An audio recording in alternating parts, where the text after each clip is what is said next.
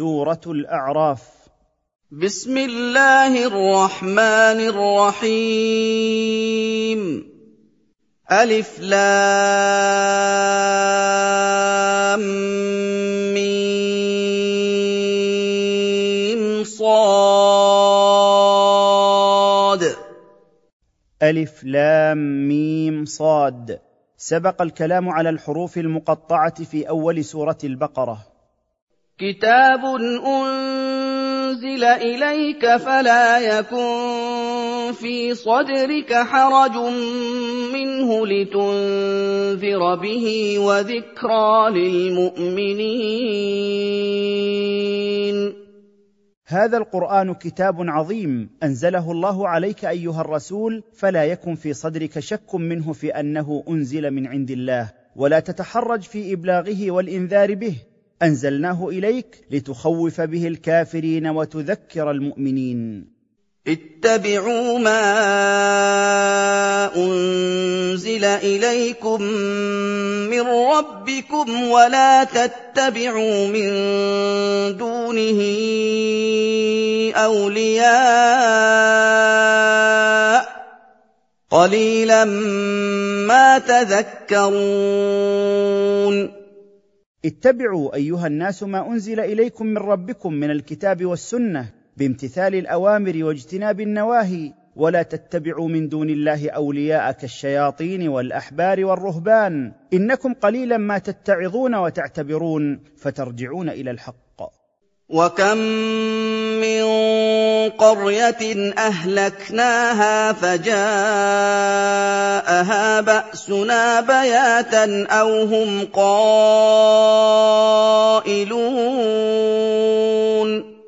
وكثير من القرى اهلكنا اهلها بسبب مخالفه رسلنا وتكذيبهم فاعقبهم ذلك خزي الدنيا موصولا بذل الاخره فجاءهم عذابنا مره وهم نائمون ليلا. ومرة وهم نائمون نهارا. وخص الله هذين الوقتين بالذكر لأنهما وقتان للسكون والاستراحة فمجيء العذاب فيهما أفظع وأشد. فما كان دعواهم إذ جاءهم بأسنا إلا أن قالوا إنا كنا ظالمين فما كان قولهم عند مجيء العذاب إلا الإقرار بالذنوب والإساءة وأنهم حقيقون بالعذاب الذي نزل بهم. فلنسألن الذين أرسل إليهم ولنسألن المرسلين. فلنسألن الأمم الذين أرسل إليهم المرسلون ماذا أجبتم رسلنا إليكم؟ ولنسألن المرسلين عن تبليغهم لرسالات ربهم وعما أجابتهم به أممهم. فلنقصن عليهم بعلم وما كنا غائبين. فلنقصن على الخلق كلهم ما عملوا بعلم منا لأعمالهم في الدنيا فيما أمرناهم به وما نهيناهم عنه وما كنا غائبين عنهم في حال من الأحوال. والوزن يومئذ الحق فمن ثقلت موازينه فأولئك هم المفلحون. ووزن أعمال الناس يوم القيامة يكون بميزان حقيقي بالعدل والقسط الذي لا ظلم فيه فمن ثقلت موازين أعماله لكثرة حسناته فأولئك هم الفائزون. ومن خفت موازينه فاولئك الذين خسروا انفسهم بما كانوا باياتنا يظلمون ومن خفت موازين اعماله لكثره سيئاته فاولئك هم الذين اضاعوا حظهم من رضوان الله تعالى بسبب تجاوزهم الحد بجحد آيات الله تعالى وعدم الانقياد لها. ولقد مكناكم في الأرض وجعلنا لكم فيها معايش. قليلا ما تشكرون. ولقد مكنا لكم أيها الناس في الأرض وجعلناها قرارا لكم. وجعلنا لكم فيها ما تعيشون به من مطاعم ومشارب ومع ذلك فشكركم لنعم الله قليل. ولقد خلقناكم ثم صورناكم ثم قلنا للملائكة اسجدوا لآدم فسجدوا إلا إبليس. فسجدوا إلا إبليس لم يكن من الساجدين. ولقد أنعمنا عليكم بخلق أصلكم وهو أبوكم آدم من العدم ثم صورناه على هيئته المفضلة على كثير من الخلق ثم أمرنا ملائكتنا عليهم السلام بالسجود له. إكراما واحتراما وإظهارا لفضل آدم فسجدوا جميعا. لكن إبليس الذي كان معهم لم يكن من الساجدين لآدم حسدا له على هذا التكريم العظيم. قال ما منعك ألا تسجد إذ أمرتك؟ قال أنا خير منه خلقتني من نار وخلقته من طين. قال تعالى منكرا على إبليس ترك السجود ما منعك ألا تسجد إذ أمرتك؟ فقال إبليس أنا أفضل منه خلقا. لأني مخلوق من نار وهو مخلوق من طين فرأى أن النار أشرف من الطين. قال فاهبط منها فما يكون لك أن تتكبر فيها فاخرج إنك من الصاغرين. قال الله لإبليس فاهبط من الجنة فما يصح لك أن تتكبر فيها فاخرج من الجنة إنك من الذليلين الحقيرين. قال أنظرني إلى يوم يبعثون. قال إبليس لله جل وعلا حينما يئس من رحمته أمهلني إلى يوم البعث وذلك لأتمكن من إغواء من أقدر عليه من بني آدم. قال انك من المنظرين قال الله تعالى انك ممن كتبت عليهم تاخير الاجل إلى النفخه الاولى في القرن اذ يموت الخلق كلهم. قال فبما اغويتني لاقعدن لهم صراطك المستقيم قال إبليس لعنه الله فبسبب ما أضللتني لأجتهدن في إغواء بني آدم عن طريقك القويم ولأصدنهم عن الإسلام الذي فطرتهم عليه. ثم لاتينهم من بين ايديهم ومن خلفهم وعن ايمانهم وعن شمائلهم ولا تجد اكثرهم شاكرين ثم لاتينهم من جميع الجهات والجوانب فاصدهم عن الحق واحسن لهم الباطل وأرغبهم في الدنيا وأشككهم في الآخرة. ولا تجد أكثر بني آدم شاكرين لك نعمتك. قال اخرج منها مذءوما مدحورا لمن تبعك منهم لأملأن جهنم منكم أجمعين. قال الله تعالى لإبليس اخرج من الجنة ممقوتا مطرودا لأملأن جهنم منك وممن تبعك من بني آدم أجمعين. ويا آدم اسكن أنت وزوجك الجنة فكلا من حيث شئتما ولا تقربا هذه الشجرة فتكونا من الظالمين.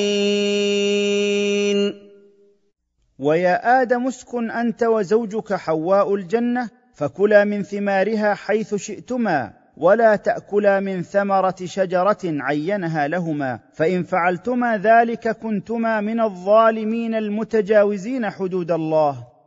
فوسوس لهما الشيطان ليبدي لهما ما وري عنهما من سوآتهما.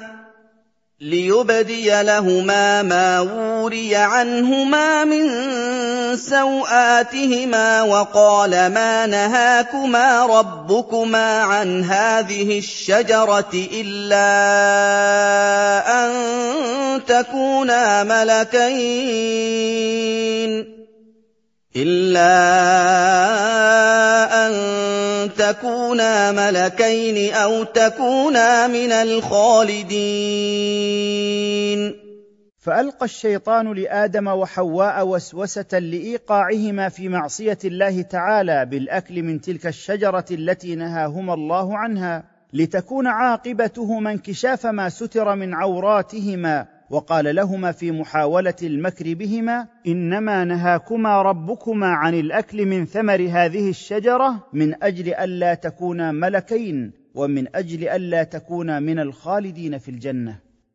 وقاسمهما إني لكما لمن الناصحين. وأقسم الشيطان لآدم وحواء بالله إنه ممن ينصح لهما في مشورته عليهما بالأكل من الشجرة وهو كاذب في ذلك. فدلاهما بغرور. فلما ذاقا الشجرة بدت لهما سوآتهما وطفقا يخصفان عليهما من ورق الجنة وناداهما ربهما وناداهما ربهما الم انهكما عن تلكما الشجره واقل لكما ان الشيطان لكما عدو مبين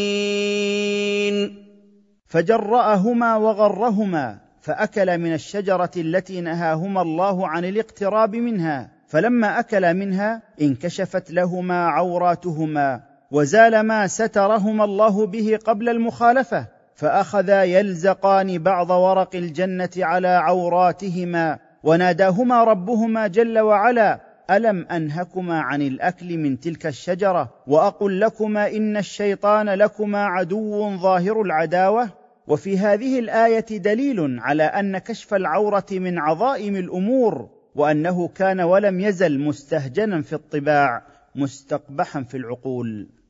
قالا ربنا ظلمنا أنفسنا وإن لم تغفر لنا وترحمنا لنكونن من الخاسرين.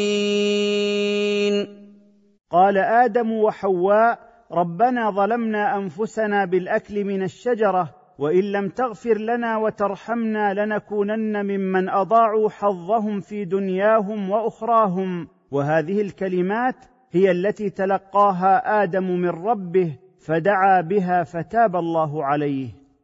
قال اهبطوا بعضكم لبعض عدو ولكم في الأرض مستقر ومتاع إلى حين. قال تعالى مخاطبا آدم وحواء وإبليس اهبطوا من الجنة إلى الأرض وسيكون بعضكم لبعض عدوا ولكم في الأرض مكان تستقرون فيه وتتمتعون إلى انقضاء آجالكم. قال فيها تحيون وفيها تموتون ومنها تخرجون. قال الله تعالى لآدم وحواء وذريتهما فيها تحيون أي في الأرض تقضون أيام حياتكم الدنيا وفيها تكون وفاتكم ومنها يخرجكم ربكم ويحشركم أحياء يوم البعث.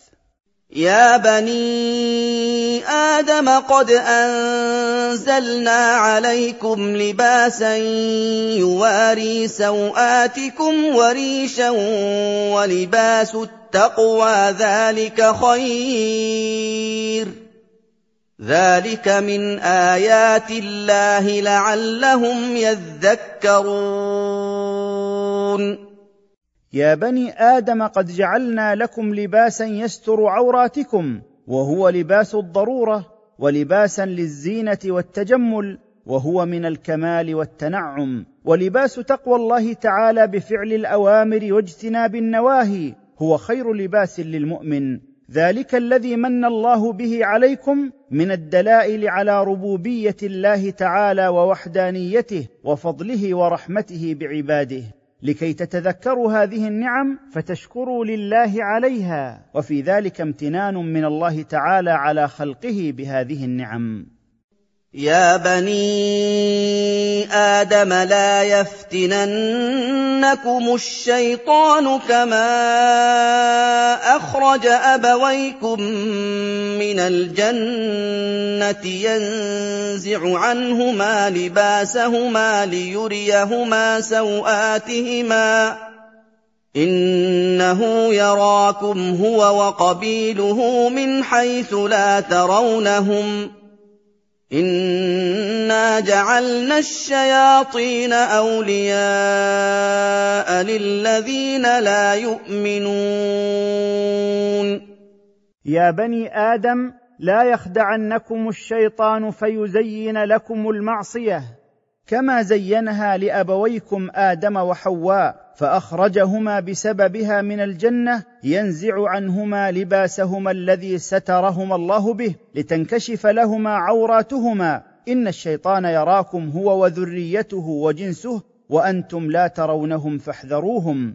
إنا جعلنا الشياطين أولياء للكفار الذين لا يوحدون الله ولا يصدقون رسله ولا يعملون بهديه. واذا فعلوا فاحشه قالوا وجدنا عليها اباءنا والله امرنا بها قل ان الله لا يامر بالفحشاء اتقولون على الله ما لا تعلمون وإذا أتى الكفار قبيحا من الفعل اعتذروا عن فعله بأنه مما ورثوه عن آبائهم وأنه مما أمر الله به. قل لهم أيها الرسول إن الله تعالى لا يأمر عباده بقبائح الأفعال ومساوئها. أتقولون على الله أيها المشركون ما لا تعلمون كذبا وافتراء؟ قل أمر ربي بالقسط واقيموا وجوهكم عند كل مسجد وادعوه مخلصين له الدين كما بداكم تعودون قل ايها الرسول لهؤلاء المشركين أمر ربي بالعدل وامركم بان تخلصوا له العباده في كل موضع من مواضعها وبخاصة في المساجد وأن تدعوه مخلصين له الطاعة والعبادة وأن تؤمنوا بالبعث بعد الموت. وكما أن الله أوجدكم من العدم فإنه قادر على إعادة الحياة إليكم مرة أخرى. فريقا هدى وفريقا حق عليهم الضلالة.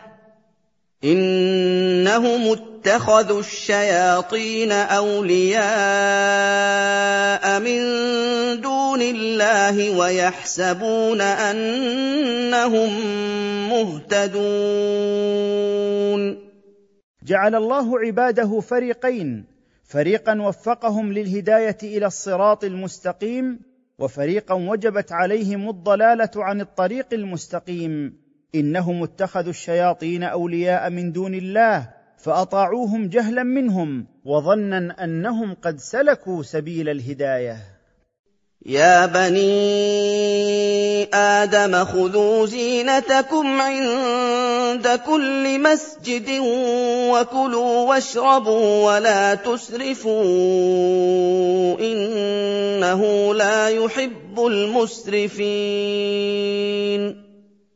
يا بني آدم كونوا عند أداء كل صلاة على حالة من الزينة المشروعة من ثياب ساترة لعوراتكم ونظافة وطهارة ونحو ذلك. وكلوا واشربوا من طيبات ما رزقكم الله ولا تتجاوزوا حدود الاعتدال في ذلك. إن الله لا يحب المتجاوزين المسرفين في الطعام والشراب وغير ذلك.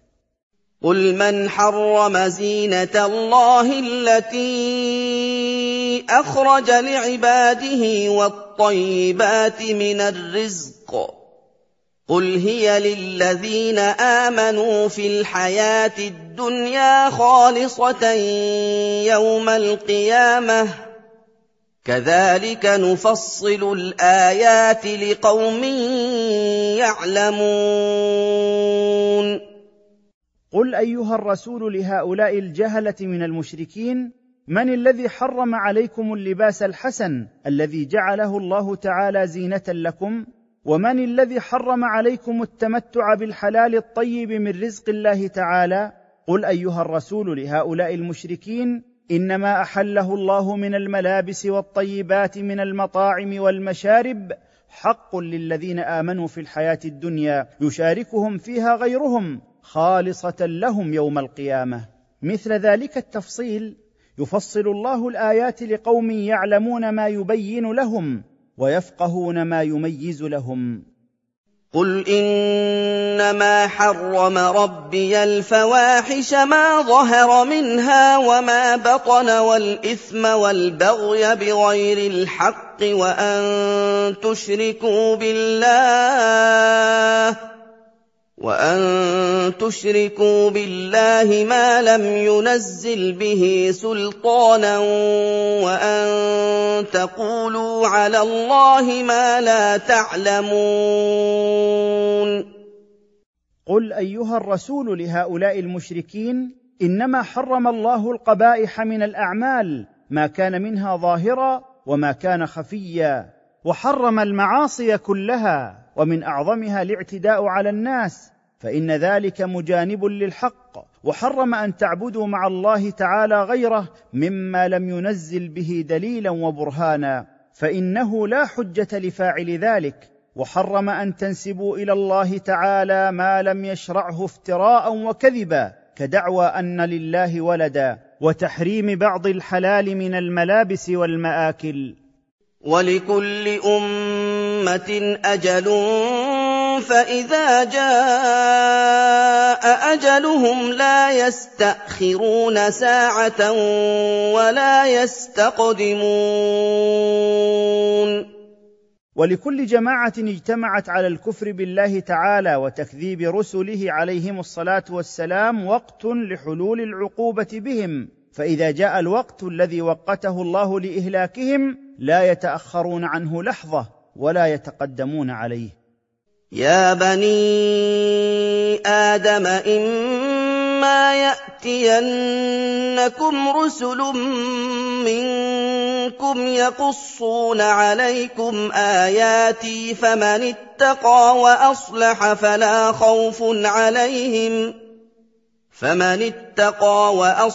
فلا خوف عليهم ولا هم يحزنون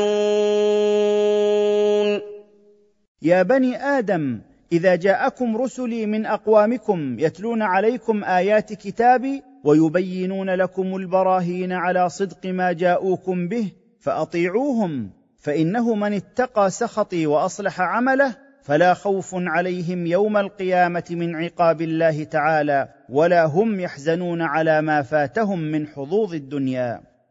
والذين كذبوا بآياتنا واستكبروا عنها أولئك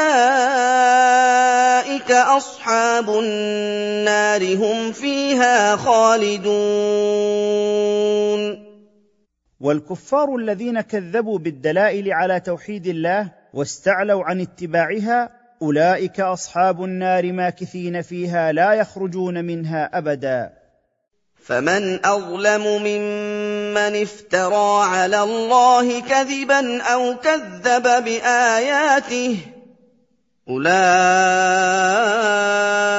ينالهم نصيبهم من الكتاب حتى إذا جاءتهم رسلنا يتوفونهم قالوا قالوا أين ما كنتم تدعون من دون الله قالوا ضلوا عنا وشهدوا على أنفسهم وشهدوا على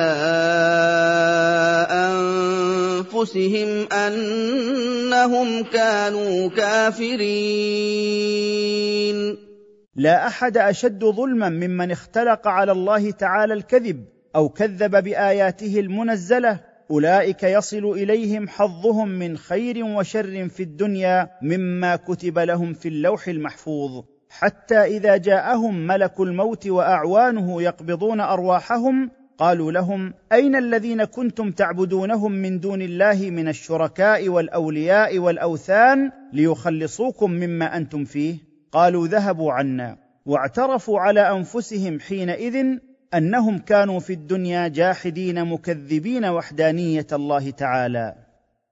قال ادخلوا في أمم قد خلت من قبلكم من الجن والإنس في النار كلما دخلت أمة لعنت أختها كلما دخلت أمة لعنت أختها حتى إذا اداركوا فيها جميعا قالت أخراهم لأولاهم قالت أخراهم لأولاهم ربنا هؤلاء أضلونا فآتهم عذابا ضعفا من النار. قال لكل ضعف ولكن لا تعلمون. قال الله تعالى لهؤلاء المشركين المفترين ادخلوا النار في جملة جماعات من أمثالكم في الكفر. قد سلفت من قبلكم من الجن والإنس. كلما دخلت النار جماعة من أهل ملة لعنت نظيرتها التي ضلت بالاقتداء بها حتى إذا تلاحق في النار الأولون من أهل الملل الكافرة والآخرون منهم جميعا قال الآخرون المتبعون في الدنيا لقادتهم ربنا هؤلاء هم الذين أضلونا عن الحق فآتهم عذابا مضاعفا من النار قال الله تعالى لكل ضعف أي لكل منكم ومنهم عذاب مضاعف من النار. ولكن لا تدركون أيها الأتباع ما لكل فريق منكم من العذاب والآلام. وقالت أولاهم لأخراهم فما كان لكم علينا من فضل فذوقوا العذاب بما كنتم تكسبون. وقال المتبوعون من الرؤساء وغيرهم لأتباعهم نحن وأنتم متساوون في الغي والضلال وفي فعل أسباب العذاب فلا فضل لكم علينا. قال الله تعالى لهم جميعا فذوقوا العذاب أي عذاب جهنم بسبب ما كسبتم من المعاصي. ان الذين كذبوا باياتنا واستكبروا عنها لا تفتح لهم ابواب السماء لا تفتح لهم أبواب السماء ولا يدخلون الجنة حتى يلج الجمل في سم الخياط.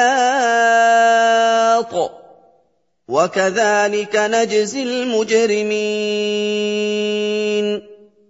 إن الكفار الذين لم يصدقوا بحججنا وآياتنا الدالة على وحدانيتنا ولم يعملوا بشرعنا تكبرا واستعلاء لا تفتح لأعمالهم في الحياة ولا لأرواحهم عند الممات أبواب السماء.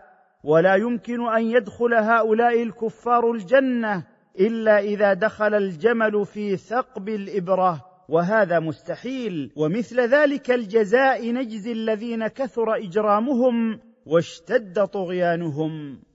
لهم من جهنم مهاد ومن فوقهم غواش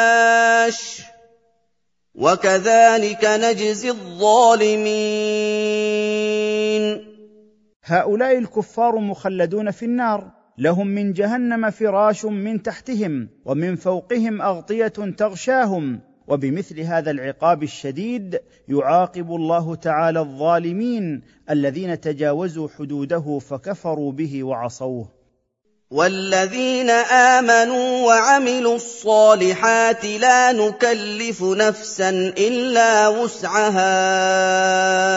أولئك أصحاب الجنة. أولئك أصحاب الجنة هم فيها خالدون.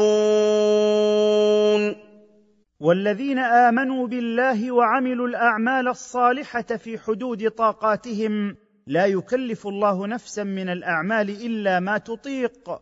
أولئك أهل الجنة هم فيها ماكثون أبدا لا يخرجون منها.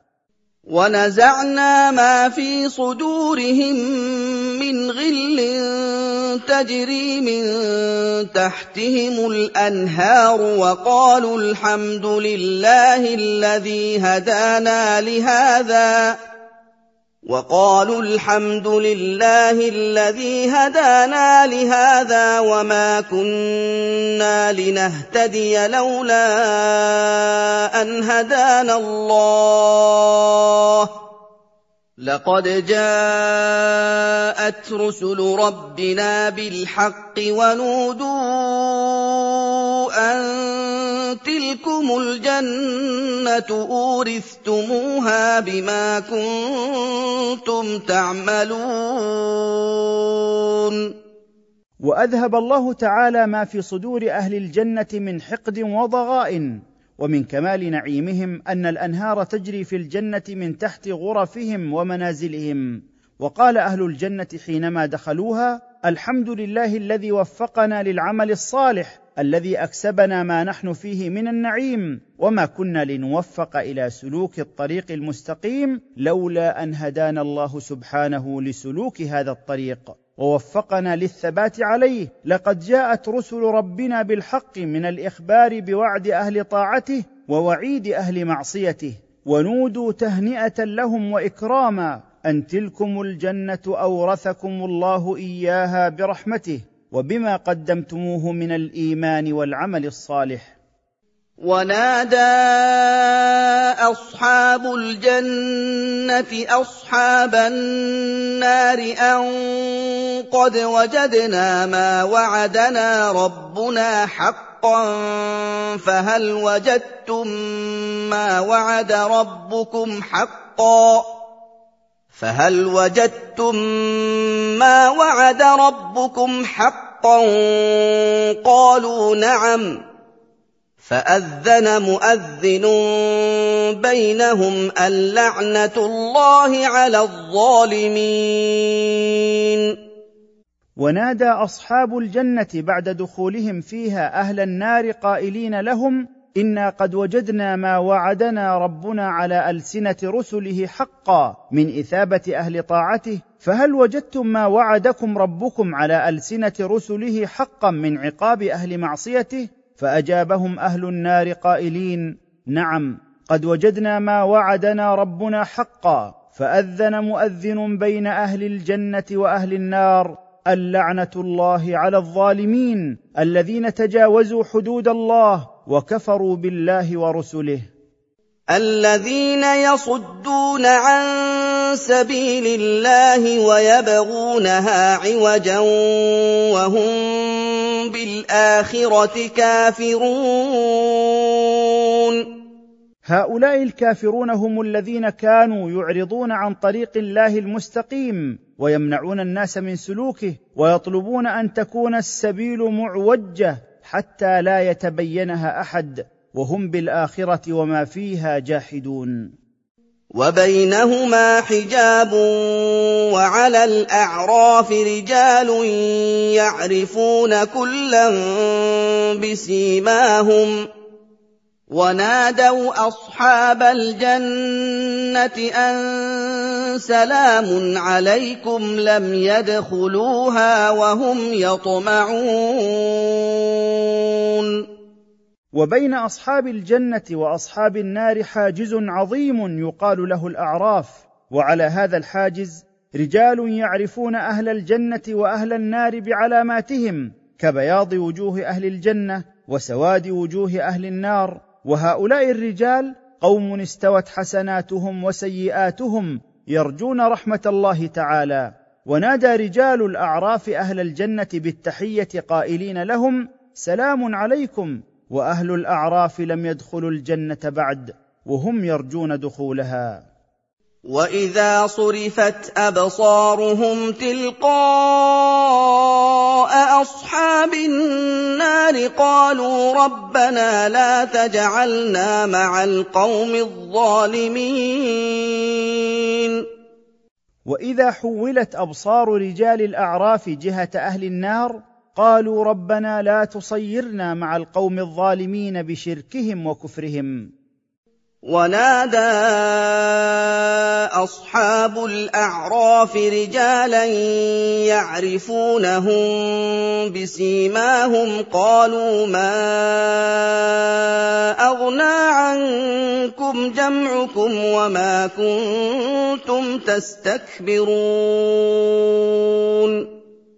ونادى أهل الأعراف رجالا من قادة الكفار الذين في النار يعرفونهم بعلامات خاصة تميزهم. قالوا لهم ما نفعكم ما كنتم تجمعون من الأموال والرجال في الدنيا وما نفعكم استعلاؤكم عن الإيمان بالله وقبول الحق.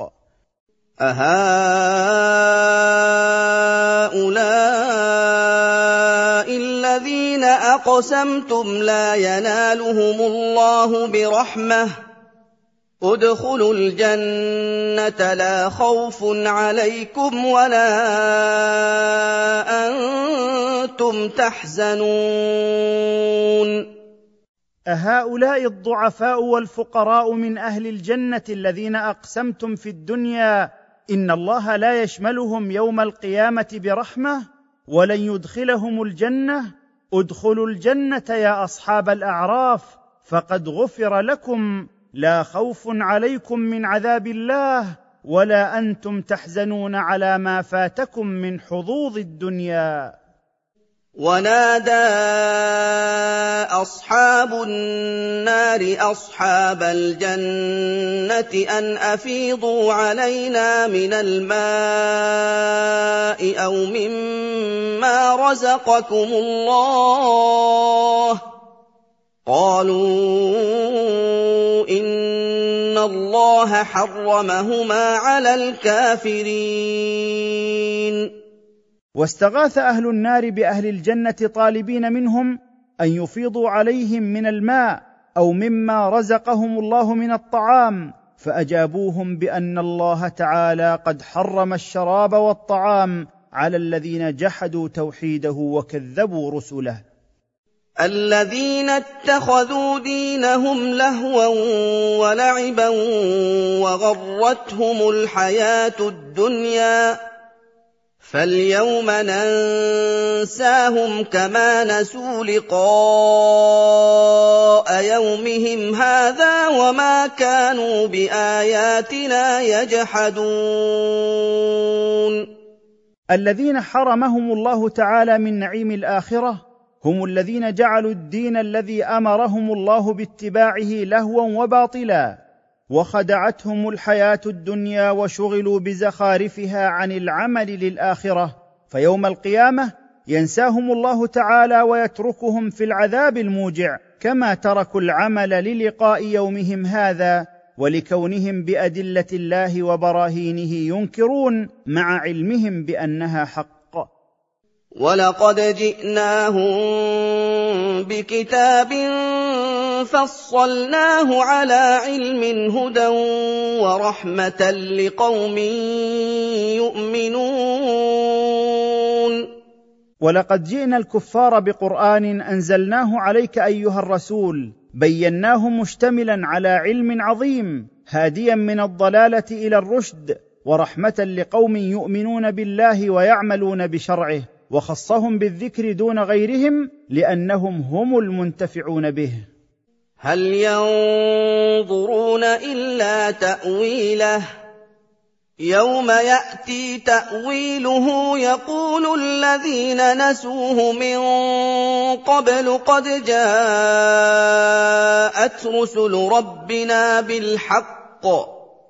يقول الذين نسوه من قبل قد جاءت رسل ربنا بالحق فهل لنا من شفعاء فيشفعوا لنا أو نرد فنعمل أو نرد فنعمل غير الذي كنا نعمل قد خسروا أنفسهم وضل عنهم ما كانوا يفترون. هل ينتظر الكفار إلا ما وعدوا به في القرآن من العقاب الذي يؤول إليه أمرهم؟ يوم يأتي ما يؤول إليه الأمر من الحساب والثواب والعقاب يوم القيامة. يقول الكفار الذين تركوا القرآن وكفروا به في الحياة الدنيا قد تبين لنا الآن أن رسل ربنا قد جاءوا بالحق ونصحوا لنا فهل لنا من أصدقاء وشفعاء فيشفعوا لنا عند ربنا أو نعاد إلى الدنيا مرة أخرى فنعمل فيها بما يرضي الله عنا؟ قد خسروا أنفسهم بدخولهم النار وخلودهم فيها. وذهب عنهم ما كانوا يعبدونه من دون الله ويفترونه في الدنيا مما يعدهم به الشيطان. إن ربكم الله الذي خلق السماوات والأرض في ستة أيام ثم استوى على العرش يغشي الليل النهار يطلبه حثيثا. يغشي الليل النهار يطلبه حثيثا والشمس والقمر والنجوم مسخرات بأمره. ألا له الخلق والأمر. تبارك الله رب العالمين. إن ربكم أيها الناس هو الله الذي أوجد السماوات والأرض من العدم في ستة أيام ثم استوى سبحانه على العرش أي على وارتفع استواء يليق بجلاله وعظمته يدخل سبحانه الليل على النهار فيلبسه إياه حتى يذهب نوره ويدخل النهار على الليل فيذهب ظلامه. وكل واحد منهما يطلب الآخر سريعا دائما. وهو سبحانه الذي خلق الشمس والقمر والنجوم مذللات له يسخرهن سبحانه كما يشاء وهن من آيات الله العظيمة. ألا له سبحانه وتعالى الخلق كله وله الأمر كله؟ تعالى الله وتعاظم وتنزه عن كل نقص. رب الخلق أجمعين. ادعوا ربكم تضرعا وخفية. إنه لا يحب المعتدين. ادعوا أيها المؤمنون ربكم متذللين له خفية وسرا وليكن الدعاء بخشوع وبعد عن الرياء. إن الله تعالى لا يحب المتجاوزين حدود شرعه وأعظم التجاوز الشرك بالله كدعاء غير الله من الأموات والأوثان ونحو ذلك.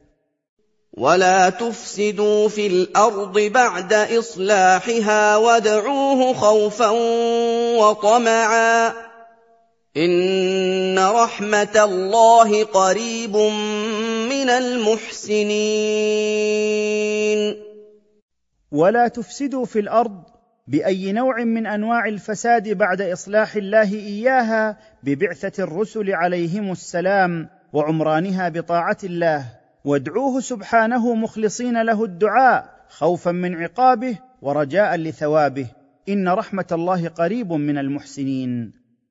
وهو الذي يرسل الرياح بشرا بين يدي رحمته حتى إذا أقلت سحابا ثقالا سقناه لبلد ميت سقناه لبلد ميت فانزلنا به الماء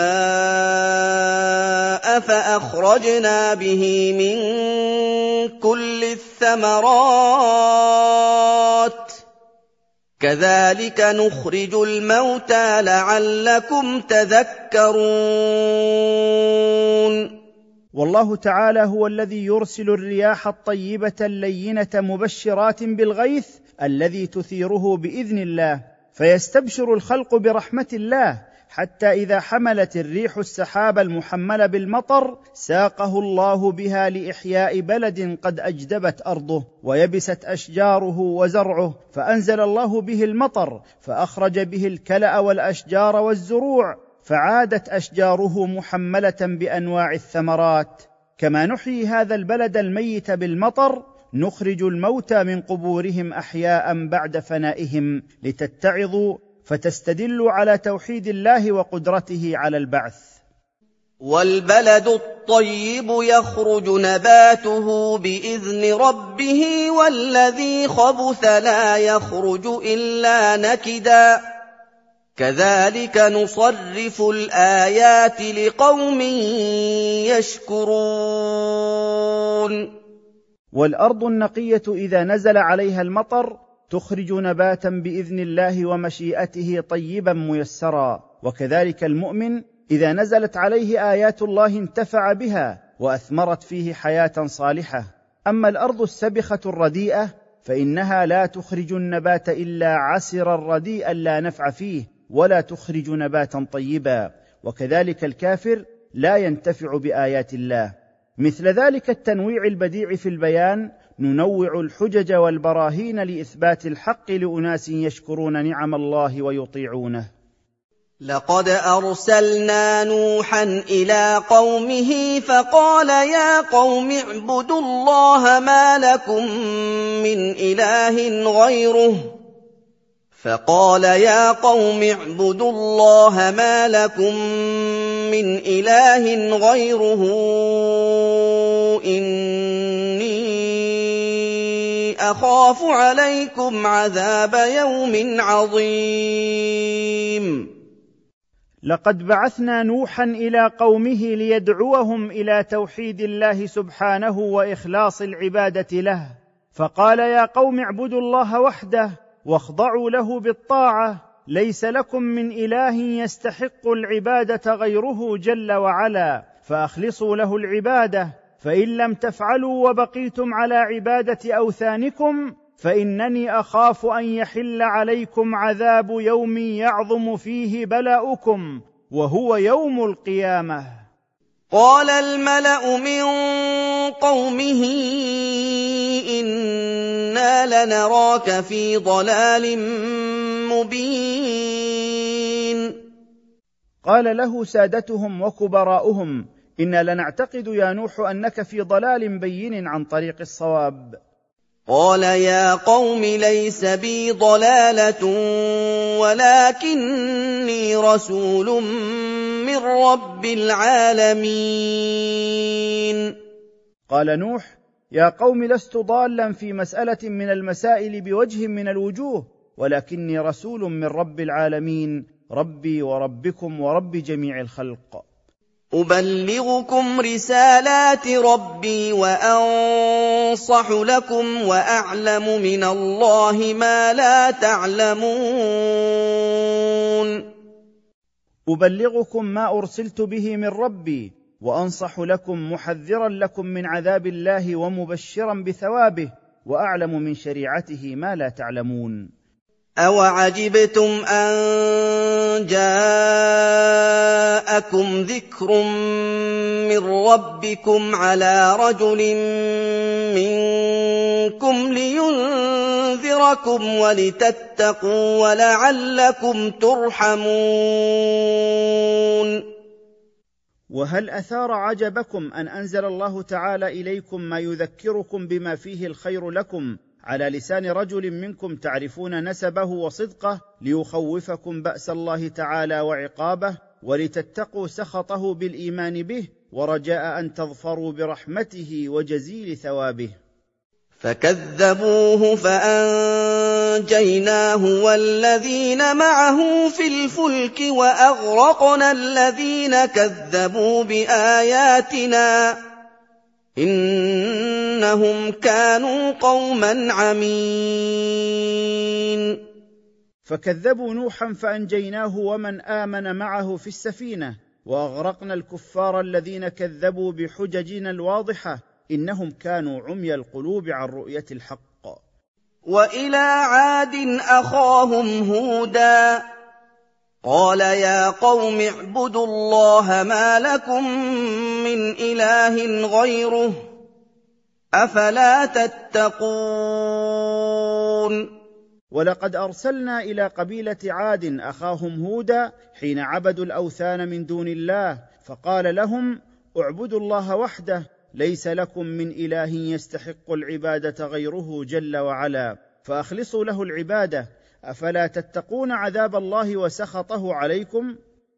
قال الملأ الذين كفروا من قومه أنا لنراك في سفاهه وأنا لنظنك من الكاذبين.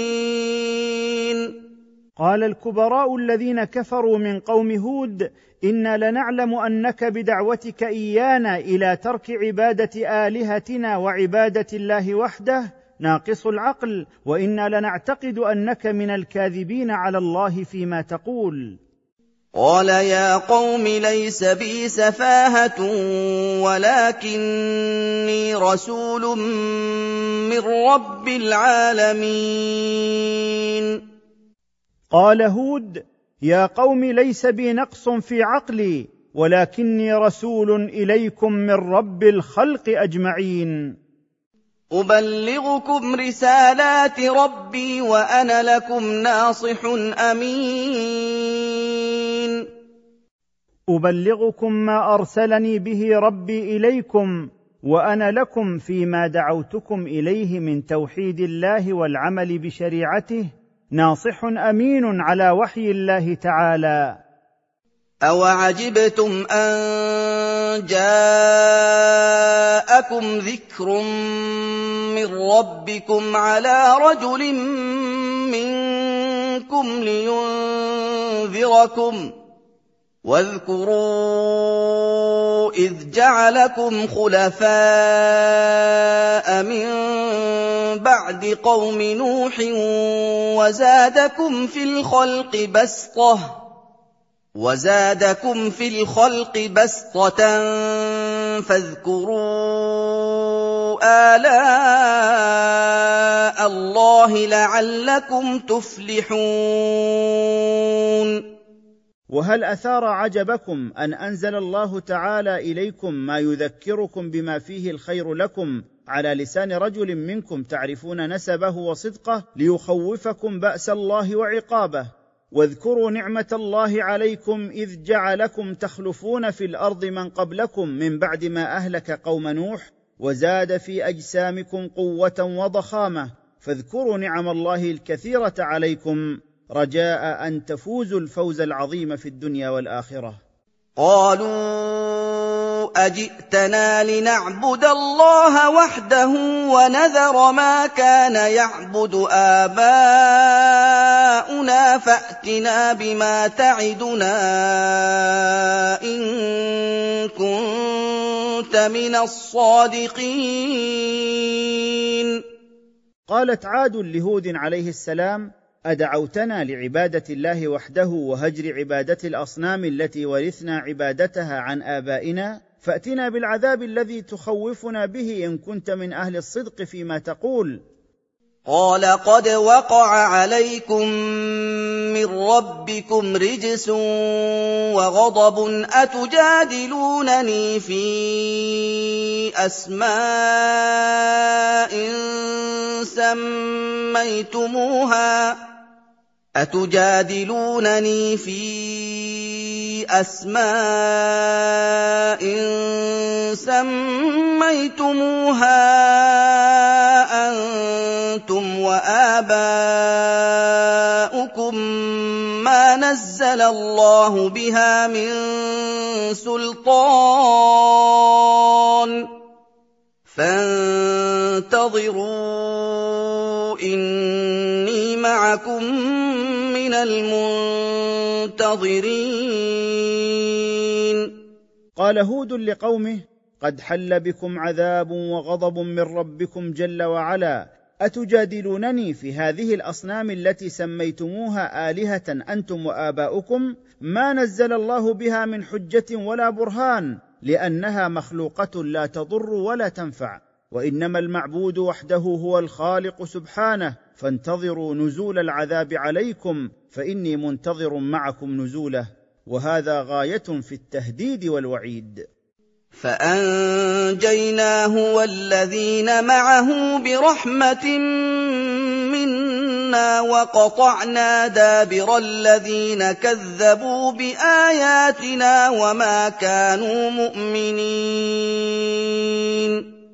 فوقع عذاب الله بإرسال الريح الشديدة عليهم فأنجى الله هودا والذين آمنوا معه برحمة عظيمة منه تعالى وأهلك الكفار من قومه جميعا ودمرهم عن آخرهم. وما كانوا مؤمنين لجمعهم بين التكذيب بآيات الله وترك العمل الصالح. وإلى ثمود أخاهم صالحا قال يا قوم اعبدوا الله ما لكم من إله غيره قد جاءتكم بينة من ربكم هذه ناقة الله لكم آية فذروها تأكل في أرض الله. فذروها تأكل في أرض الله ولا تمسوها بسوء فيأخذكم عذاب أليم. ولقد أرسلنا إلى قبيلة ثمود أخاهم صالحا لما عبدوا الأوثان من دون الله تعالى فقال صالح لهم يا قوم اعبدوا الله وحده ليس لكم من إله يستحق العبادة غيره جل وعلا فأخلصوا له العبادة. قد جئتكم بالبرهان على صدق ما أدعوكم إليه إذ دعوت الله أمامكم فأخرج لكم من الصخرة ناقة عظيمة كما سألتم. فاتركوها تأكل في أرض الله من المراعي ولا تتعرضوا لها بأي أذى فيصيبكم بسبب ذلك عذاب موجع.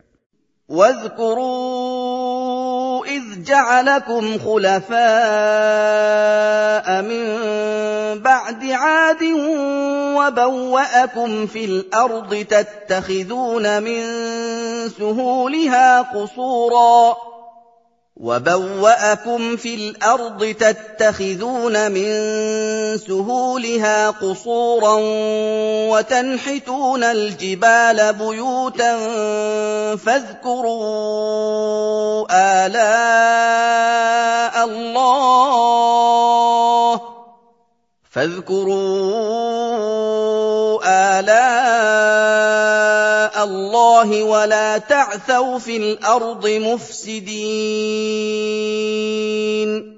واذكروا نعمة الله عليكم إذ جعلكم تخلفون في الأرض من قبلكم من بعد قبيلة عاد ومكن لكم في الأرض الطيبة تنزلونها فتبنون في سهولها البيوت العظيمة وتنحتون من جبالها بيوتا أخرى فاذكروا نعم الله عليكم ولا تسعوا في الأرض بالإفساد. قال الملأ الذين استكبروا من قومه للذين استضعفوا لمن آمن منهم أتعلمون أن صالحا مرسل من ربه؟ قالوا أنا بما ارسل به مؤمنون قال السادة والكبراء من الذين استعلوا من قوم صالح للمؤمنين الذين استضعفوهم واستهانوا بهم أتعلمون حقيقة أن صالحا قد أرسله الله إلينا؟ قال الذين آمنوا إنا مصدقون بما أرسله الله به متبعون لشرعه.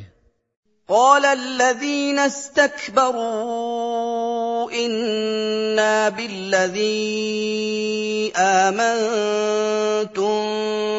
به كافرون. قال الذين استعلوا إنا بالذي صدقتم به واتبعتموه من نبوة صالح جاحدون. فعقروا الناقة وعتوا عن أمر ربهم وقالوا يا صالح ائتنا بما تعدنا إن كنت من المرسلين. فنحروا الناقة استخفافا منهم بوعيد صالح واستكبروا عن امتثال أمر ربهم وقالوا على سبيل الاستهزاء واستبعاد العذاب يا صالح ائتنا بما تتوعدنا به من العذاب إن كنت من رسل الله. فأخذتهم الرجفة فأصبحوا في دارهم جاثمين. فأخذت الذين كفروا الزلزلة الشديدة التي خلعت قلوبهم فأصبحوا في بلدهم هالكين لاصقين بالأرض على ركبهم ووجوههم لم يفلت منهم أحد. فتولى عنهم وقال يا قوم لقد أبلغتكم رسالة ربي ونصحت لكم ولكن لا تحبون الناصحين.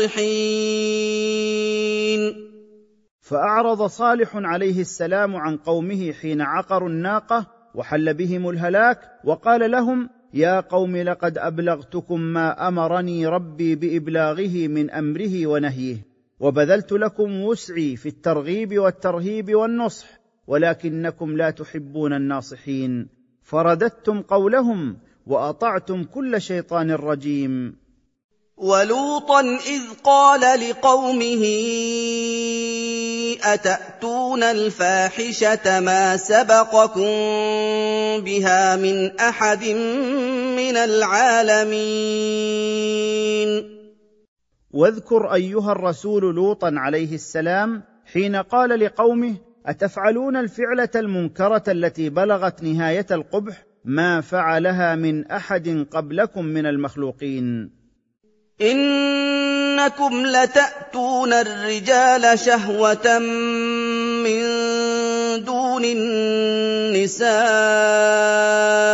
بل أنتم قوم مسرفون. إنكم لتأتون الذكور في أدبارهم شهوة منكم لذلك غير مبالين بقبحها تاركين الذي أحله الله لكم من نسائكم بل أنتم قوم متجاوزون لحدود الله في الإسراف في المعاصي والشهوات. إن إتيان الذكور دون الإناث من الفواحش التي ابتدعها قوم لوط ولم يسبقهم بها أحد من الخلق. وما كان جواب قومه إلا أن قالوا أخرجوهم من قريتكم إنهم أناس يتطهرون. وما كان جواب قوم لوط حين أنكر عليهم فعلهم الشنيع إلا أن قال بعضهم لبعض أخرجوا لوطا وأهله من بلادكم إنه ومن تبعه أناس يتنزهون عن إتيان أدبار الرجال. فأنجيناه وأهله إلا امرأته كانت من الغابرين. فأنجى الله لوطا وأهله من العذاب حيث أمره بمغادرة ذلك البلد إلا امرأته فإنها كانت من الهالكين الباقين في عذاب الله. وأمطرنا عليهم مطرا فانظر كيف كان عاقبة المجرمين. وعذب الله الكفار من قوم لوط بأن أنزل عليهم مطرا من الحجارة وقلب بلادهم فجعل عاليها سافلها. فانظر أيها الرسول كيف صارت عاقبة الذين اجترأوا على معاصي الله وكذبوا رسله. وإلى مدين أخاهم شعيبا قال يا قوم اعبدوا الله ما لكم من إله غيره قد جاءتكم بينة من ربكم فأوفوا الكيل والميزان ولا تبخسوا الناس أشياءهم ولا تبخسوا الناس اشياءهم ولا تفسدوا في الأرض بعد اصلاحها ذلكم خير لكم ان كنتم مؤمنين ولقد ارسلنا إلى قبيله مدين اخاهم شعيبا عليه السلام فقال لهم يا قوم اعبدوا الله وحده لا شريك له ليس لكم من إله يستحق العبادة غيره جل وعلا فأخلصوا له العبادة. قد جاءكم برهان من ربكم على صدق ما أدعوكم إليه فأدوا للناس حقوقهم بإيفاء الكيل والميزان ولا تنقصوهم حقوقهم فتظلموهم. ولا تفسدوا في الأرض بالكفر والظلم بعد إصلاحها بشرائع الأنبياء السابقين عليهم السلام. ذلك الذي دعوتكم إليه خير لكم في دنياكم وأخراكم. إن كنتم مصدقي فيما دعوتكم إليه عاملين بشرع الله. ولا تقعدوا بكل صراط توعدون وتصدون عن سبيل الله من امن به وتبغونها عوجا واذكروا إذ كنتم قليلا فكثركم وانظروا كيف كان عاقبة المفسدين. ولا تقعدوا بكل طريق تتوعدون الناس بالقتل إن لم يعطوكم أموالهم وتصدون عن سبيل الله القويم من صدق به عز وجل وعمل صالحا وتبغون سبيل الله أن تكون معوجة وتميلونها اتباعا لأهوائكم وتنفرون الناس عن اتباعها. واذكروا نعمة الله تعالى عليكم إذ كان عددكم قليلا فكثركم فأصبحتم أقوياء عزيزين. وانظروا كيف كان عاقبة المفسدين في الأرض وما حل بهم من الهلاك والدمار. وان كان طائفه منكم امنوا بالذي ارسلت به وطائفه لم يؤمنوا فاصبروا حتى يحكم الله بيننا فاصبروا حتى يحكم الله بيننا وهو خير الحاكمين. وإن كان جماعة منكم صدقوا بالذي أرسلني الله به وجماعة لم يصدقوا بذلك فانتظروا أيها المكذبون قضاء الله الفاصل بيننا وبينكم حين يحل عليكم عذابه الذي أنذرتكم به والله جل وعلا هو خير الحاكمين بين عباده. قال الملا الذين استكبروا من قومه لنخرجنك يا شعيب والذين امنوا معك من قريتنا أو لتعودن في ملتنا قال اولو كنا كارهين قال السادة والكبراء من قوم شعيب الذين تكبروا عن الإيمان بالله واتباع رسوله شعيب عليه السلام لنخرجنك يا شعيب ومن معك من المؤمنين من ديارنا. إلا إذا صرتم إلى ديننا قال شعيب منكرا ومتعجبا من قولهم أنتابعكم على دينكم وملتكم الباطلة ولو كنا كارهين لها لعلمنا ببطلانها؟ قد افترينا على الله كذبا ان عدنا في ملتكم بعد اذ نجانا الله منها وما يكون لنا ان نعود فيها الا ان يشاء الله ربنا وسع ربنا كل شيء علما على الله توكلنا. رَبَّنَا افْتَحْ بَيْنَنَا وَبَيْنَ قَوْمِنَا بِالْحَقِّ وَأَنتَ خَيْرُ الْفَاتِحِينَ. وقال شعيب لقومه مستدركا قد اختلقنا على الله الكذب إن عدنا إلى دينكم بعد أن أنقذنا الله منه. وليس لنا أن نتحول إلى غير دين ربنا إلا أن يشاء الله ربنا وقد وسع ربنا كل شيء علما فيعلم ما يصلح للعباد. على الله وحده اعتمادنا هداية ونصرة. ربنا احكم بيننا وبين قومنا بالحق وأنت خير الحاكمين. وقال الملأ الذين كفروا من قومه لئن اتبعتم شعيبا إنكم إذا لخاسرون. وقال السادة والكبراء المكذبون الرافضون لدعوة التوحيد إمعانا في العتو والتمرد محذرين من اتباع شعيب لئن اتبعتم شعيبا إنكم إذا لهالكون. فأخذتهم الرجفة فأصبحوا في دارهم جاثمين. فأخذت قوم شعيب الزلزلة الشديدة فأصبحوا في دارهم صرعى ميتين. الذين كذبوا شعيبا كأن لم يغنوا فيها الذين كذبوا شعيبا كانوا هم الخاسرين. الذين كذبوا شعيبا كأنهم لم يقيموا في ديارهم ولم يتمتعوا فيها حيث استؤصلوا فلم يبق لهم أثر وأصابهم الخسران والهلاك في الدنيا والآخرة. فَتَوَلَّىٰ عَنْهُمْ وَقَالَ يَا قَوْمِ لَقَدْ أَبْلَغْتُكُمْ رِسَالَاتِ رَبِّي وَنَصَحْتُ لَكُمْ فَكَيْفَ آسَىٰ عَلَىٰ قَوْمٍ كَافِرِينَ؟ فأعرض شعيب عنهم حينما أيقن بحلول العذاب بهم وقال يا قوم لقد أبلغتكم رسالات ربي ونصحت لكم بالدخول في دين الله والإقلاع عما أنتم عليه فلم تسمعوا ولم تطيعوا. فكيف أحزن على قوم جحدوا وحدانية الله وكذبوا رسله؟ وما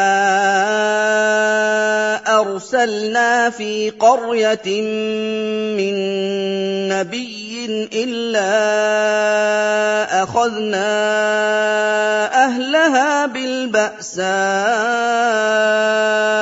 والضراء لعلهم يضرعون وما أرسلنا في قرية من نبي يدعوهم إلى عبادة الله وينهاهم عما هم فيه من الشرك فكذبه قومه إلا ابتليناهم بالبأساء والضراء فأصبناهم في أبدانهم بالأمراض والأسقام وفي أموالهم بالفقر والحاجة رجاء أن يستكينوا وينيبوا إلى الله ويرجعوا إلى الحق. ثم بدلنا مكان السيئة الحسنة حتى عفوا وقالوا قد مس آباءنا الضراء والسراء وَقَالُوا قَدْ مَسَّ آبَاءَنَا الضَّرَّاءُ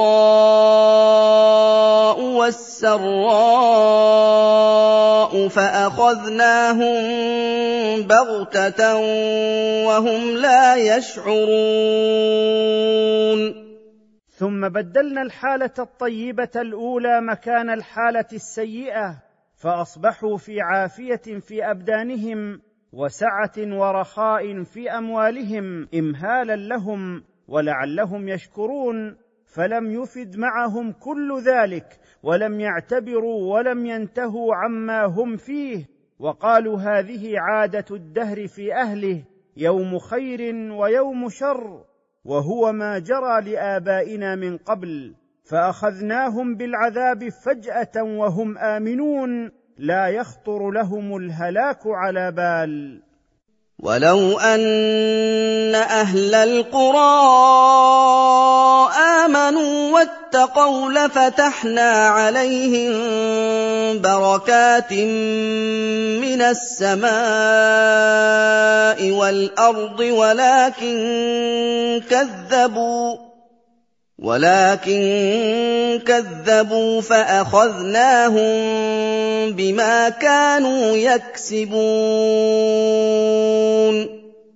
ولو أن أهل القرى صدقوا رسلهم واتبعوهم واجتنبوا ما نهاهم الله عنه لفتح الله لهم أبواب الخير من كل وجه ولكنهم كذبوا فعاقبهم الله بالعذاب المهلك بسبب كفرهم ومعاصيهم.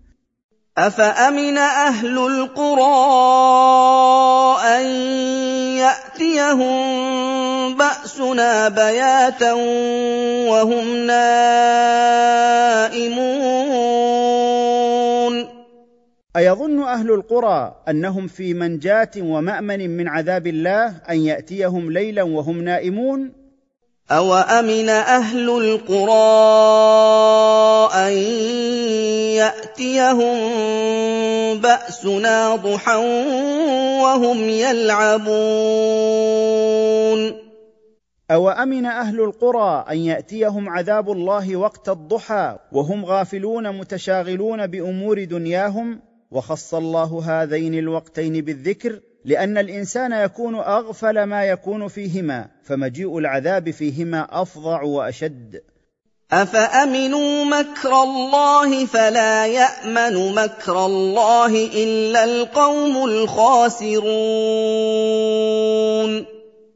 أفأمن أهل القرى المكذبة مكر الله وإمهاله لهم استدراجا لهم بما أنعم عليهم في دنياهم عقوبة لمكرهم؟ فلا يأمن مكر الله إلا القوم الهالكون.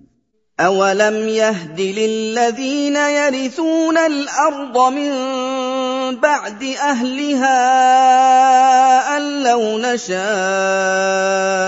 أصبناهم بذنوبهم ونطبع على قلوبهم فهم لا يسمعون. أولم يتبين للذين سكنوا الأرض من بعد إهلاك أهلها السابقين بسبب معاصيهم فساروا سيرتهم أن لو نشاء أصبناهم بالعذاب بسبب ذنوبهم كما فعلنا بأسلافهم ونختم على قلوبهم فلا يدخلها الحق ولا يسمعون موعظة ولا تذكيرا تلك القرى نقص عليك من انبائها ولقد جاءتهم رسلهم بالبينات فما كانوا ليؤمنوا بما كذبوا من قبل كذلك يطبع الله على قلوب الكافرين تلك القرى التي تقدم ذكرها وهي قرى قوم نوح وهود وصالح ولوط وشعيب. نقص عليك أيها الرسول من أخبارها وما كان من أمر رسل الله التي أرسلت إليهم ما يحصل به عبرة للمعتبرين وازدجار للظالمين. ولقد جاءت أهل القرى رسلنا بالحجج البينات على صدقهم فما كانوا ليؤمنوا بما جاءتهم به الرسل بسبب طغيانهم وتكذيبهم بالحق. ومثل ختم الله على قلوب هؤلاء الكافرين المذكورين يختم الله على قلوب الكافرين بمحمد صلى الله عليه وسلم. وما وجدنا لأكثرهم من عهد وَإِن وَجَدْنَا أَكْثَرَهُمْ لَفَاسِقِينَ وما وجدنا لاكثر الامم الماضيه من امانه ولا وفاء بالعهد وما وجدنا اكثرهم الا فسقه عن طاعه الله وامتثال امره. ثم بعثنا من بعدهم موسى بآياتنا إلى فرعون وملئه فظلموا بها فانظر كيف كان عاقبة المفسدين. ثم بعثنا من بعد الرسل المتقدم ذكرهم موسى بن عمران بمعجزاتنا البينة إلى فرعون وقومه فجحدوا وكفروا بها ظلما منهم وعنادا فانظر أيها الرسول متبصرا كيف فعلنا بهم وأغرقناهم عن آخرهم بمرأ من موسى وقومه وتلك نهاية المفسدين. وقال موسى يا فرعون إني رسول من رب العالمين. وقال موسى لفرعون محاورا مبلغا إني رسول من الله خالق الخلق أجمعين ومدبر أحوالهم ومآلهم. حقيق على الا أقول على الله إلا الحق. قد جئتكم ببينه من ربكم فارسل معي بني اسرائيل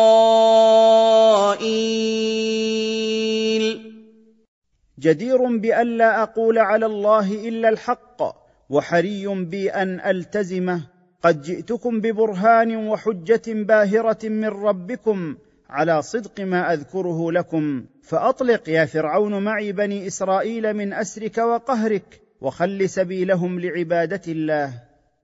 قال إن كنت جئت بآية فأت بها إن كنت من الصادقين. قال فرعون لموسى إن كنت جئت بآية حسب زعمك فأتني بها وأحضرها عندي لتصح دعواك ويثبت صدقك إن كنت صادقا فيما ادعيت أنك رسول رب العالمين. فألقى عصاه فإذا هي ثعبان مبين. فألقى موسى عصاه فتحولت حية عظيمة ظاهرة للعيان. ونزع يده فإذا هي بيضاء للناظرين. وجذب يده من فتحة قميصه المفتوحة إلى الصدر أو من تحت إبطه فإذا هي بيضاء كاللبن من غير برص. آية لفرعون فإذا ردها عادت إلى لونها الأول كسائر بدنه. قال الملا من قوم فرعون ان هذا لساحر عليم. قال الاشراف من قوم فرعون ان موسى لساحر ياخذ باعين الناس بخداعه اياهم حتى يخيل اليهم ان العصا حيه والشيء بخلاف ما هو عليه وهو واسع العلم بالسحر ماهر به. يريد أن يخرجكم من أرضكم فماذا تأمرون؟ يريد أن يخرجكم جميعا من أرضكم. قال فرعون فبماذا تشيرون علي أيها الأشراف في أمر موسى؟ قالوا أرجه وأخاه وأرسل في المدائن حاشرين. قال من حضر مناظرة موسى من سادة قوم فرعون وكبرائهم أخر موسى وأخاه هارون وابعث في مدائن مصر وأقاليمها الشرط. يأتوك بكل ساحر عليم. ليجمعوا لك كل ساحر واسع العلم بالسحر. وجاء السحرة فرعون قالوا إن لنا لأجرا إن كنا نحن الغالبين.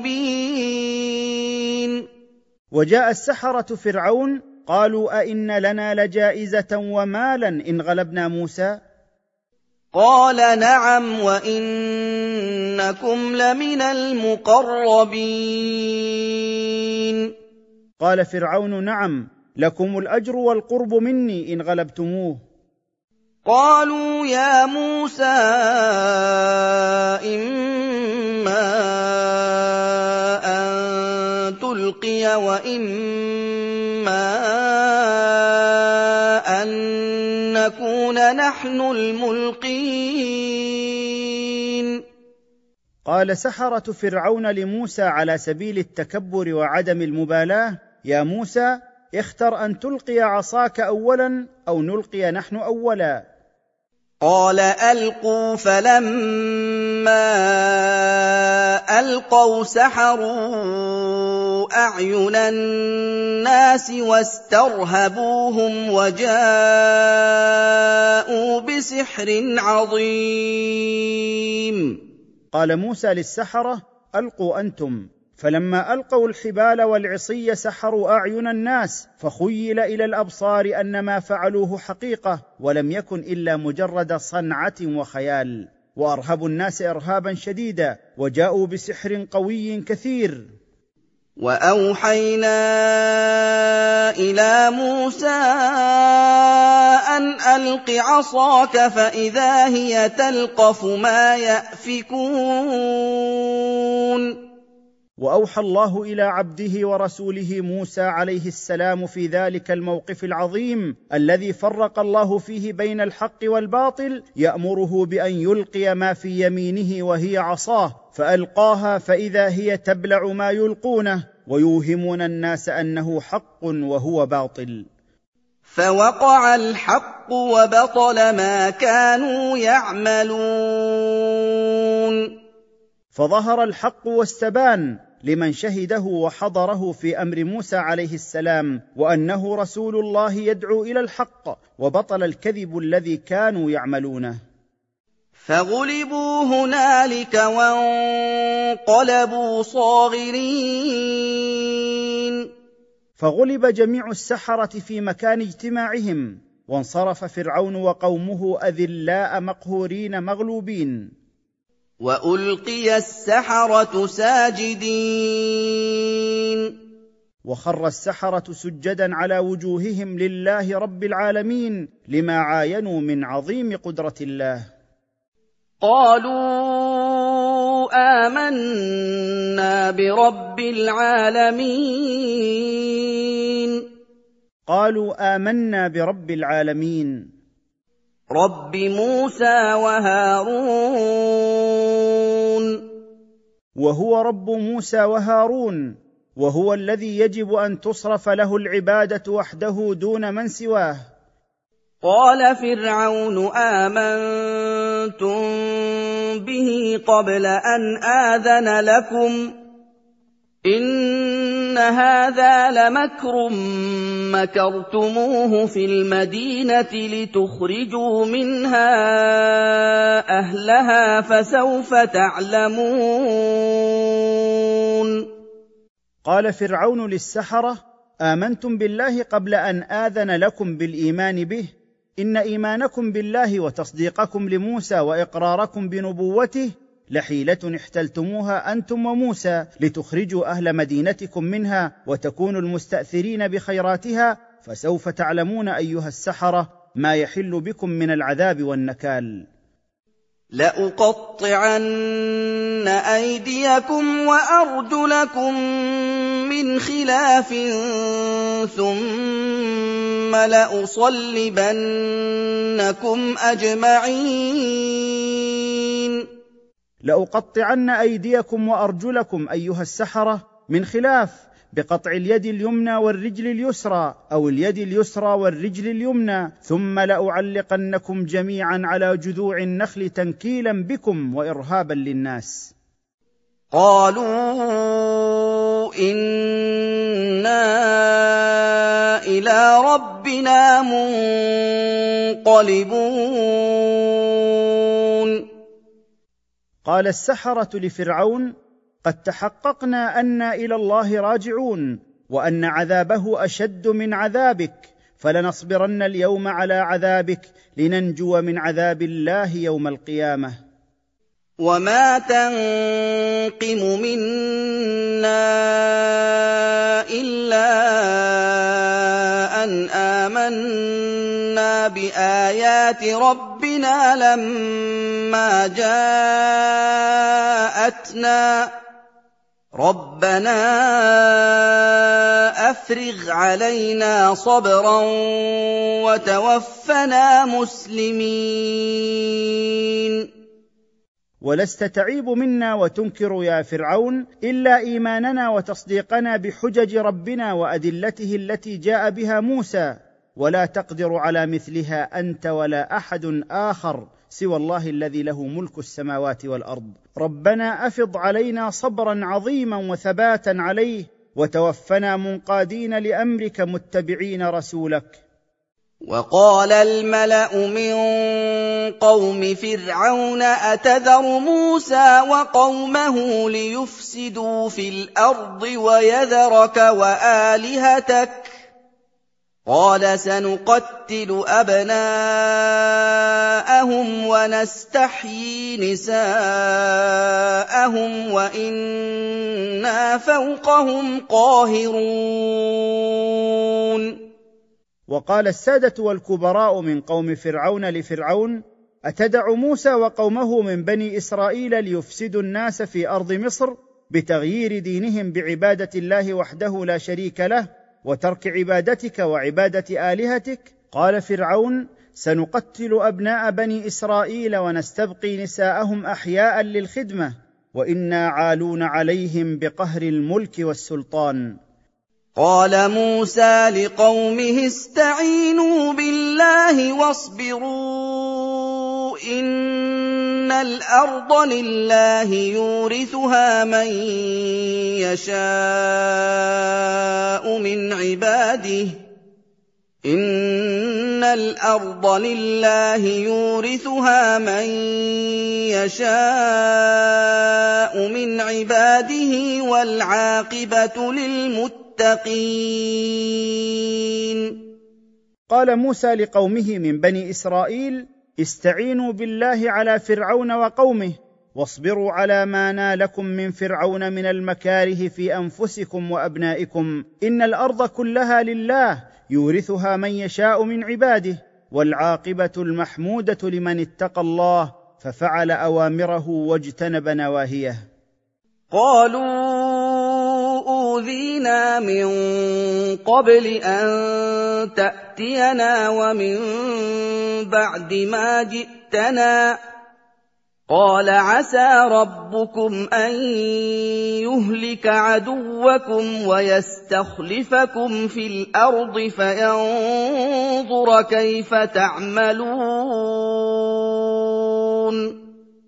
قال قوم موسى من بني إسرائيل لنبيهم موسى ابتلينا وأوذينا بذبح أبنائنا واستحياء نسائنا على يد فرعون وقومه من قبل أن تأتينا ومن بعد ما جئتنا. قال موسى لهم لعل ربكم أن يهلك عدوكم فرعون وقومه ويستخلفكم في أرضهم بعد هلاكهم فينظر كيف تعملون هل تشكرون أو تكفرون؟ ولقد اخذنا ال فرعون بالسنين ونقص من الثمرات لعلهم يذكرون ولقد ابتلينا فرعون وقومه بالقحط والجدب ونقص ثمارهم وغلاتهم ليتذكروا وينزجروا عن ضلالاتهم ويفزعوا إلى ربهم بالتوبه فاذا جاءتهم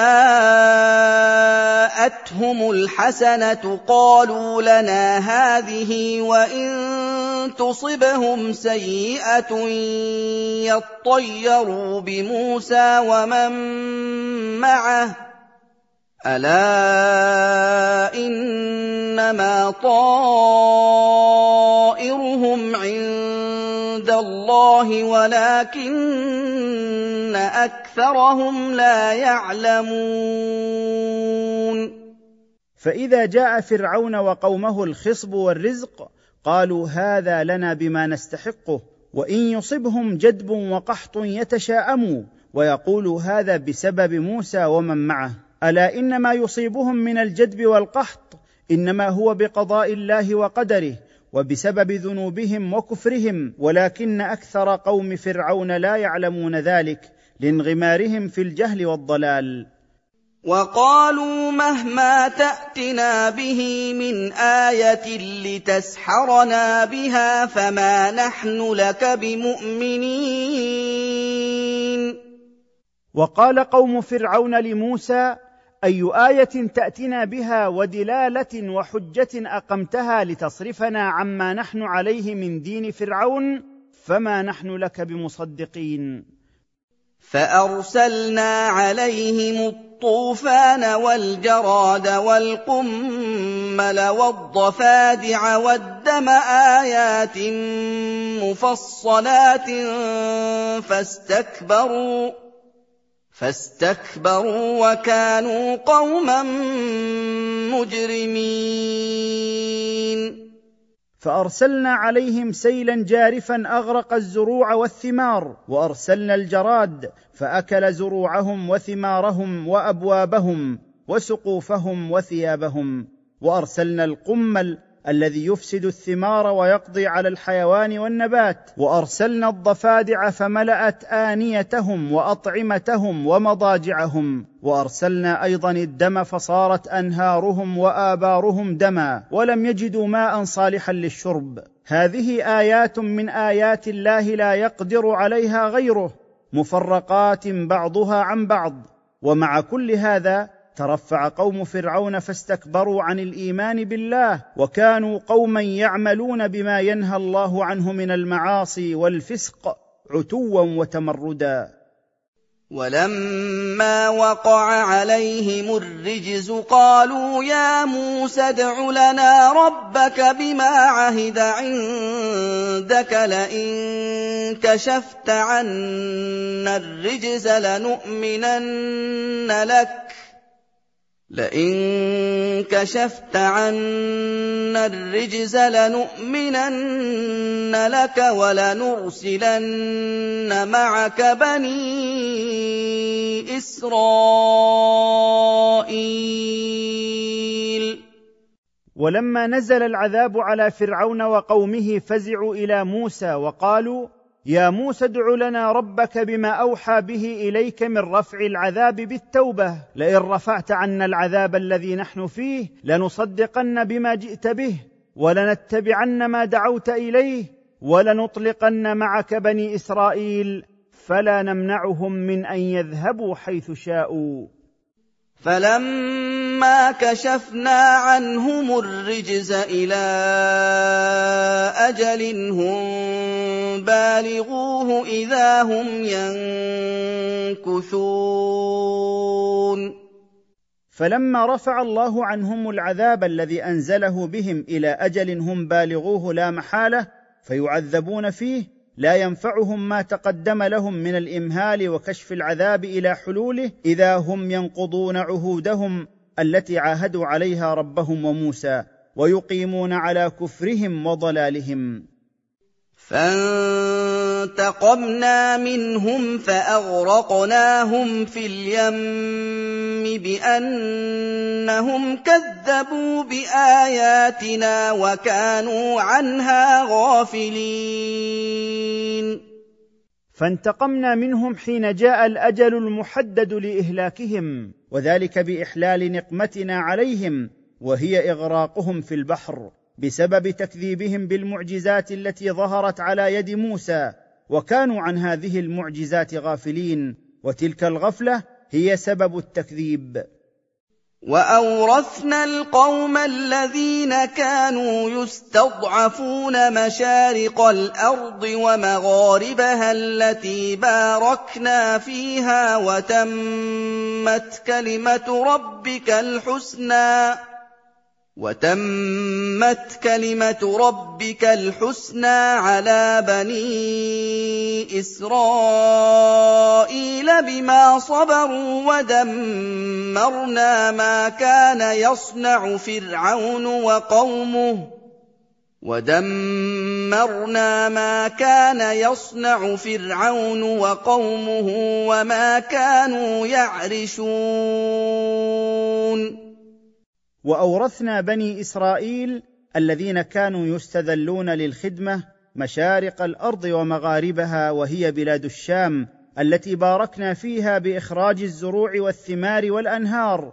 وتمت كلمة ربك أيها الرسول الحسنى على بني إسرائيل بالتمكين لهم في الأرض بسبب صبرهم على أذى فرعون وقومه. ودمرنا ما كان يصنع فرعون وقومه من العمارات والمزارع. وما كانوا يبنون من الأبنية والقصور وغير ذلك.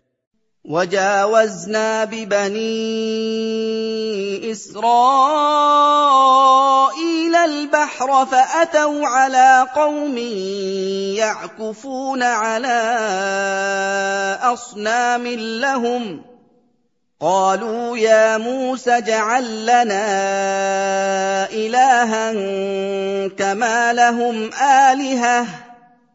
قال إنكم قوم تجهلون.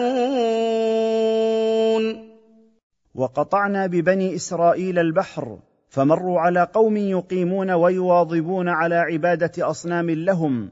قال بنو إسرائيل اجعل لنا يا موسى صنما نعبده ونتخذه إلها كما لهؤلاء القوم أصنام يعبدونها. قال موسى لهم إنكم أيها القوم تجهلون عظمة الله ولا تعلمون أن العبادة لا تنبغي إلا لله الواحد القهار.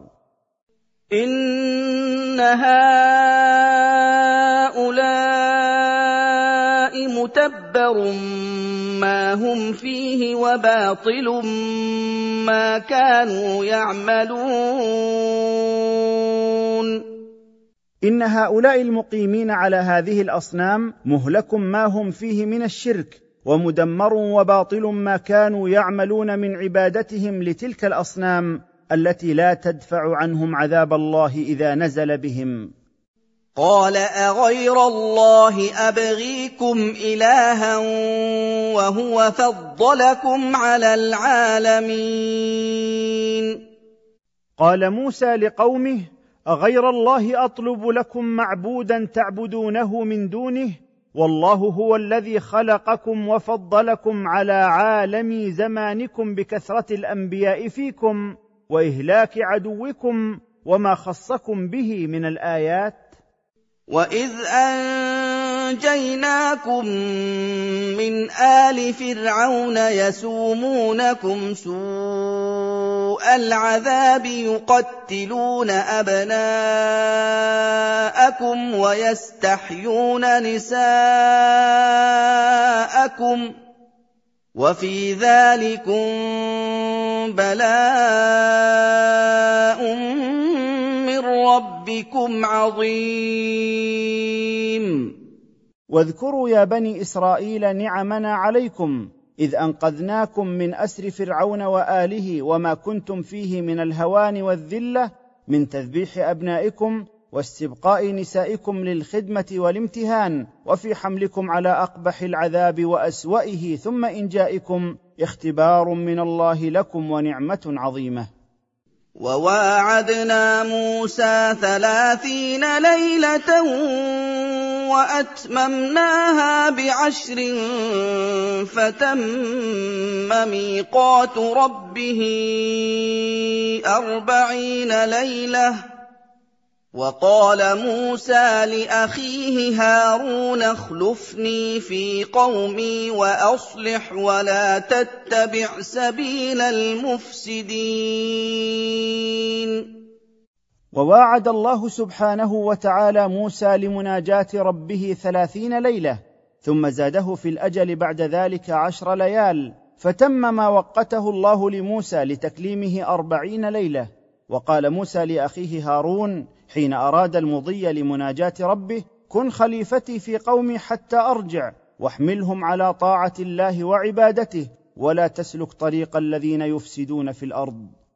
ولما جاء موسى لميقاتنا وكلمه ربه قال رب أرني أنظر إليك قال لن تراني ولكن انظر إلى الجبل فإن استقر مكانه فسوف تراني. فلما تجلى ربه للجبل جعله دكا وخر موسى صعقا. فلما افاق قال سبحانك تبت اليك وأنا اول المؤمنين. ولما جاء موسى في الوقت المحدد وهو تمام اربعين ليله وكلمه ربه بما كلمه من وحيه وامره ونهيه طمع في رؤيه الله فطلب النظر اليه. قال الله له لن تراني أي لن تقدر على رؤيتي في الدنيا ولكن انظر إلى الجبل فإن استقر مكانه إذا تجليت له فسوف تراني. فلما تجلى ربه للجبل جعله دكا مستويا بالأرض وسقط موسى مغشيا عليه فلما أفاق من غشيته قال تنزيها لك يا رب عما لا يليق بجلالك إني تبت إليك من مسألتي إياك الرؤية في هذه الحياة الدنيا وأنا أول المؤمنين بك من قومي. قال يا موسى اصطفيتك على الناس برسالاتي وبكلامي فخذ ما آتيتك وكن من الشاكرين. قال الله يا موسى إني اخترتك على الناس برسالاتي إلى خلقي الذين أرسلتك إليهم وبكلامي إياك من غير واسطة. فخذ ما أعطيتك من أمري ونهيي وتمسك به واعمل به وكن من الشاكرين لله تعالى على ما آتاك من رسالته وخصك بكلامه. وكتبنا له في الألواح من كل شيء موعظة وتفصيلا لكل شيء فخذها بقوة. فخذها بقوة وأمر قومك يأخذوا بأحسنها. سأريكم دار الفاسقين. وكتبنا لموسى في التوراة من كل ما يحتاج إليه في دينه من الأحكام موعظة للازدجار والاعتبار وتفصيلا لتكاليف الحلال والحرام والأمر والنهي والقصص والعقائد والأخبار والمغيبات. قال الله له فخذها بقوة أي خذ التوراة بجد واجتهاد وأمر قومك يعملوا بما شرع الله فيها. فإن من أشرك منهم ومن غيرهم فإني سأريه في الآخرة دار الفاسقين. وهي نار الله التي أعدها لأعدائه الخارجين عن طاعته. سأصرف عن آياتي الذين يتكبرون في الأرض بغير الحق وإن يروا كل آية لا يؤمنوا بها وان يروا كل إيه لا يؤمنوا بها وان يروا سبيل الرشد لا يتخذوه سبيلا وان يروا سبيل الغي يتخذوه سبيلا ذلك بانهم كذبوا باياتنا وكانوا عنها غافلين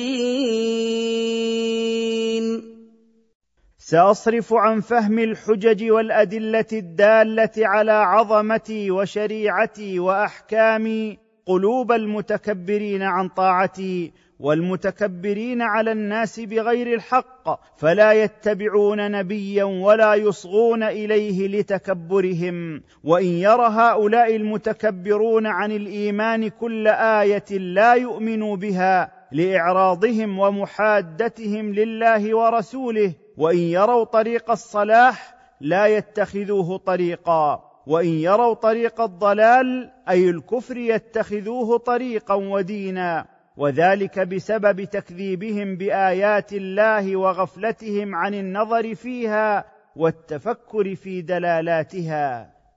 والذين كذبوا باياتنا ولقاء الاخره حبطت اعمالهم هل يجزون الا ما كانوا يعملون والذين كذبوا بآيات الله وحججه وبلقاء الله في الآخرة حبطت أعمالهم بسبب فقد شرطها وهو الإيمان بالله والتصديق بجزائه. ما يجزون في الآخرة إلا جزاء ما كانوا يعملونه في الدنيا من الكفر والمعاصي وهو الخلود في النار. واتخذ قوم موسى من بعده من حليهم عجلا جسدا له خوار. ألم يروا أنه لا يكلمهم ولا يهديهم سبيلا؟ اتخذوه وكانوا ظالمين. واتخذ قوم موسى من بعد ما فارقهم ماضيا لمناجاة ربه معبودا من ذهبهم عجلا جسدا بلا روح له صوت يشبه صوت البقر. ألم يعلموا أنه لا يكلمهم ولا يرشدهم إلى خير؟ أقدموا على ما أقدموا عليه من هذا الأمر الشنيع. وكانوا ظالمين لأنفسهم واضعين الشيء في غير موضعه. ولما سقط في أيديهم ورأوا أنهم قد ضلوا قالوا لئن لم يرحمنا ربنا ويغفر لنا لنكونن من الخاسرين. ولما ندم الذين عبدوا العجل من دون الله عند رجوع موسى إليهم ورأوا أنهم قد ضلوا عن قصد السبيل وذهبوا عن دين الله أخذوا في الإقرار بالعبودية والاستغفار فقالوا لئن لم يرحمنا ربنا بقبول توبتنا ويستر بها ذنوبنا لنكونن من الهالكين الذين ذهبت أعمالهم. ولما رجع موسى إلى قومه غضبان أسفا قال بئس ما خلفتموني من بعدي أعجلتم أمر ربكم أعجلتم أمر ربكم وألقى الألواح وأخذ برأس أخيه يجره إليه قال ابن أم إن القوم استضعفوني وكادوا يقتلونني فلا تشمت بي الأعداء ولا تجعلني مع القوم الظالمين. ولما رجع موسى إلى قومه من بني إسرائيل غضبان حزينا لأن الله قد أخبره أنه قد فتن قومه وأن السامري قد أضلهم. قال موسى بئس الخلافة التي خلفتموني من بعدي أعجلتم أمر ربكم؟ أي أستعجلتم مجيئي إليكم وهو مقدر من الله تعالى؟ وألقى موسى ألواح التوراة غضبا على قومه الذين عبدوا العجل وغضبا على أخيه هارون. وأمسك برأس أخيه يجره إليه قال هارون مستعطفا يا ابن أمي إن القوم استذلوني وعدوني ضعيفا وقاربوا أن يقتلوني فلا تسر الأعداء بما تفعل بي ولا تجعلني في غضبك مع القوم الذين خالفوا أمرك وعبدوا العجل. قال رب اغفر لي ولأخي وأدخلنا في رحمتك وأنت أرحم الراحمين. قال موسى لما تبين له عذر أخيه وعلم أنه لم يفرط فيما كان عليه من أمر الله رب اغفر لي غضبي واغفر لأخي ما سبق بينه وبين بني إسرائيل وأدخلنا في رحمتك الواسعة فإنك أرحم بنا من كل راحم. إن الذين اتخذوا العجل سينالهم غضب من ربهم وذلة في الحياة الدنيا. وكذلك نجزي المفترين. إن الذين اتخذوا العجل إلها سينالهم غضب شديد من ربهم وهوان في الحياة الدنيا بسبب كفرهم بربهم. وكما فعلنا بهؤلاء نفعل بالمفترين المبتدعين في دين الله فكل صاحب بدعة ذليل. والذين عملوا السيئات ثم تابوا من بعدها وامنوا ربك من بعدها لغفور رحيم. والذين عملوا السيئات من الكفر والمعاصي ثم رجعوا من بعد فعلها إلى الايمان والعمل الصالح إن ربك من بعد التوبة النصوح لغفور لأعمالهم غير فاضحهم بها رحيم بهم وبكل من كان مثلهم من التائبين.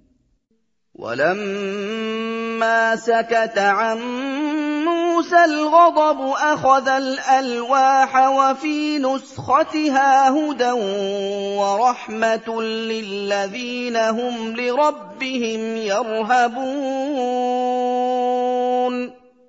ولما سكن عن موسى غضبه أخذ الألواح بعد أن ألقاها على الأرض وفيها بيان للحق ورحمة للذين يخافون الله ويخشون عقابه. واختار موسى قومه سبعين رجلا لميقاتنا فلما اخذتهم الرجفة قال رب لو شئت أهلكتهم من قبل وإياي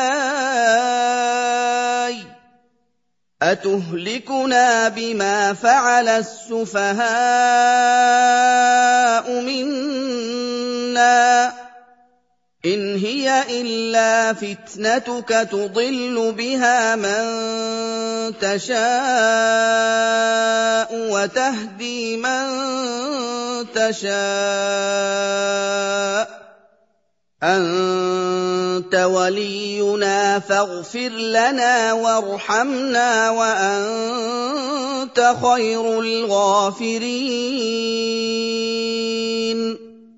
واختار موسى من قومه سبعين رجلا من خيارهم وخرج بهم إلى طور سيناء للوقت والأجل الذي واعده الله أن يلقاه فيه بهم للتوبة مما كان من سفهاء بني إسرائيل من عبادة العجل.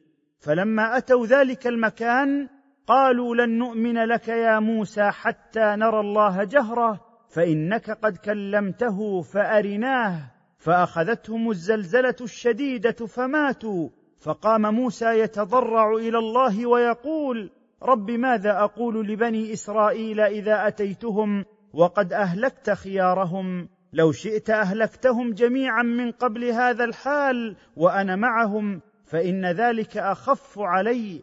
أتهلكنا بما فعله سفهاء الأحلام منا؟ ما هذه الفعلة؟ التي فعلها قومي من عبادتهم العجل إلا ابتلاء واختبار تضل بها من تشاء من خلقك وتهدي بها من تشاء هدايته. أنت ولينا وناصرنا فاغفر ذنوبنا وارحمنا برحمتك وأنت خير من صفح عن جرم وستر عن ذنب. واكتب لنا في هذه الدنيا حسنة وفي الآخرة إنا هدنا إليك. قال عذابي اصيب به من اشاء ورحمتي وسعت كل شيء فساكتبها للذين يتقون فسأكتبها للذين يتقون ويؤتون الزكاة والذين هم بآياتنا يؤمنون.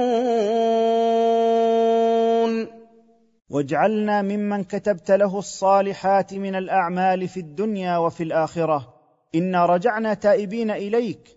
قال الله تعالى لموسى عذابي أصيب به من أشاء من خلقي.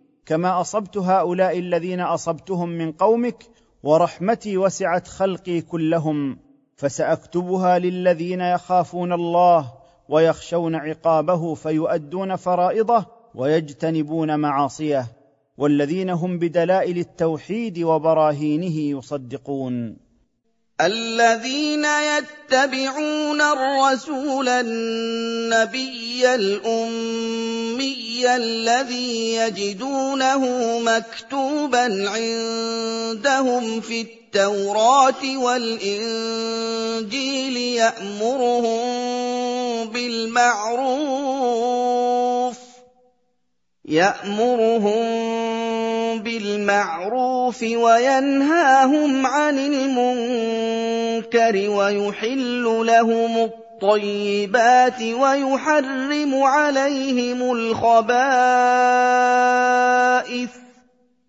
ويحل لهم الطيبات ويحرم عليهم الخبائث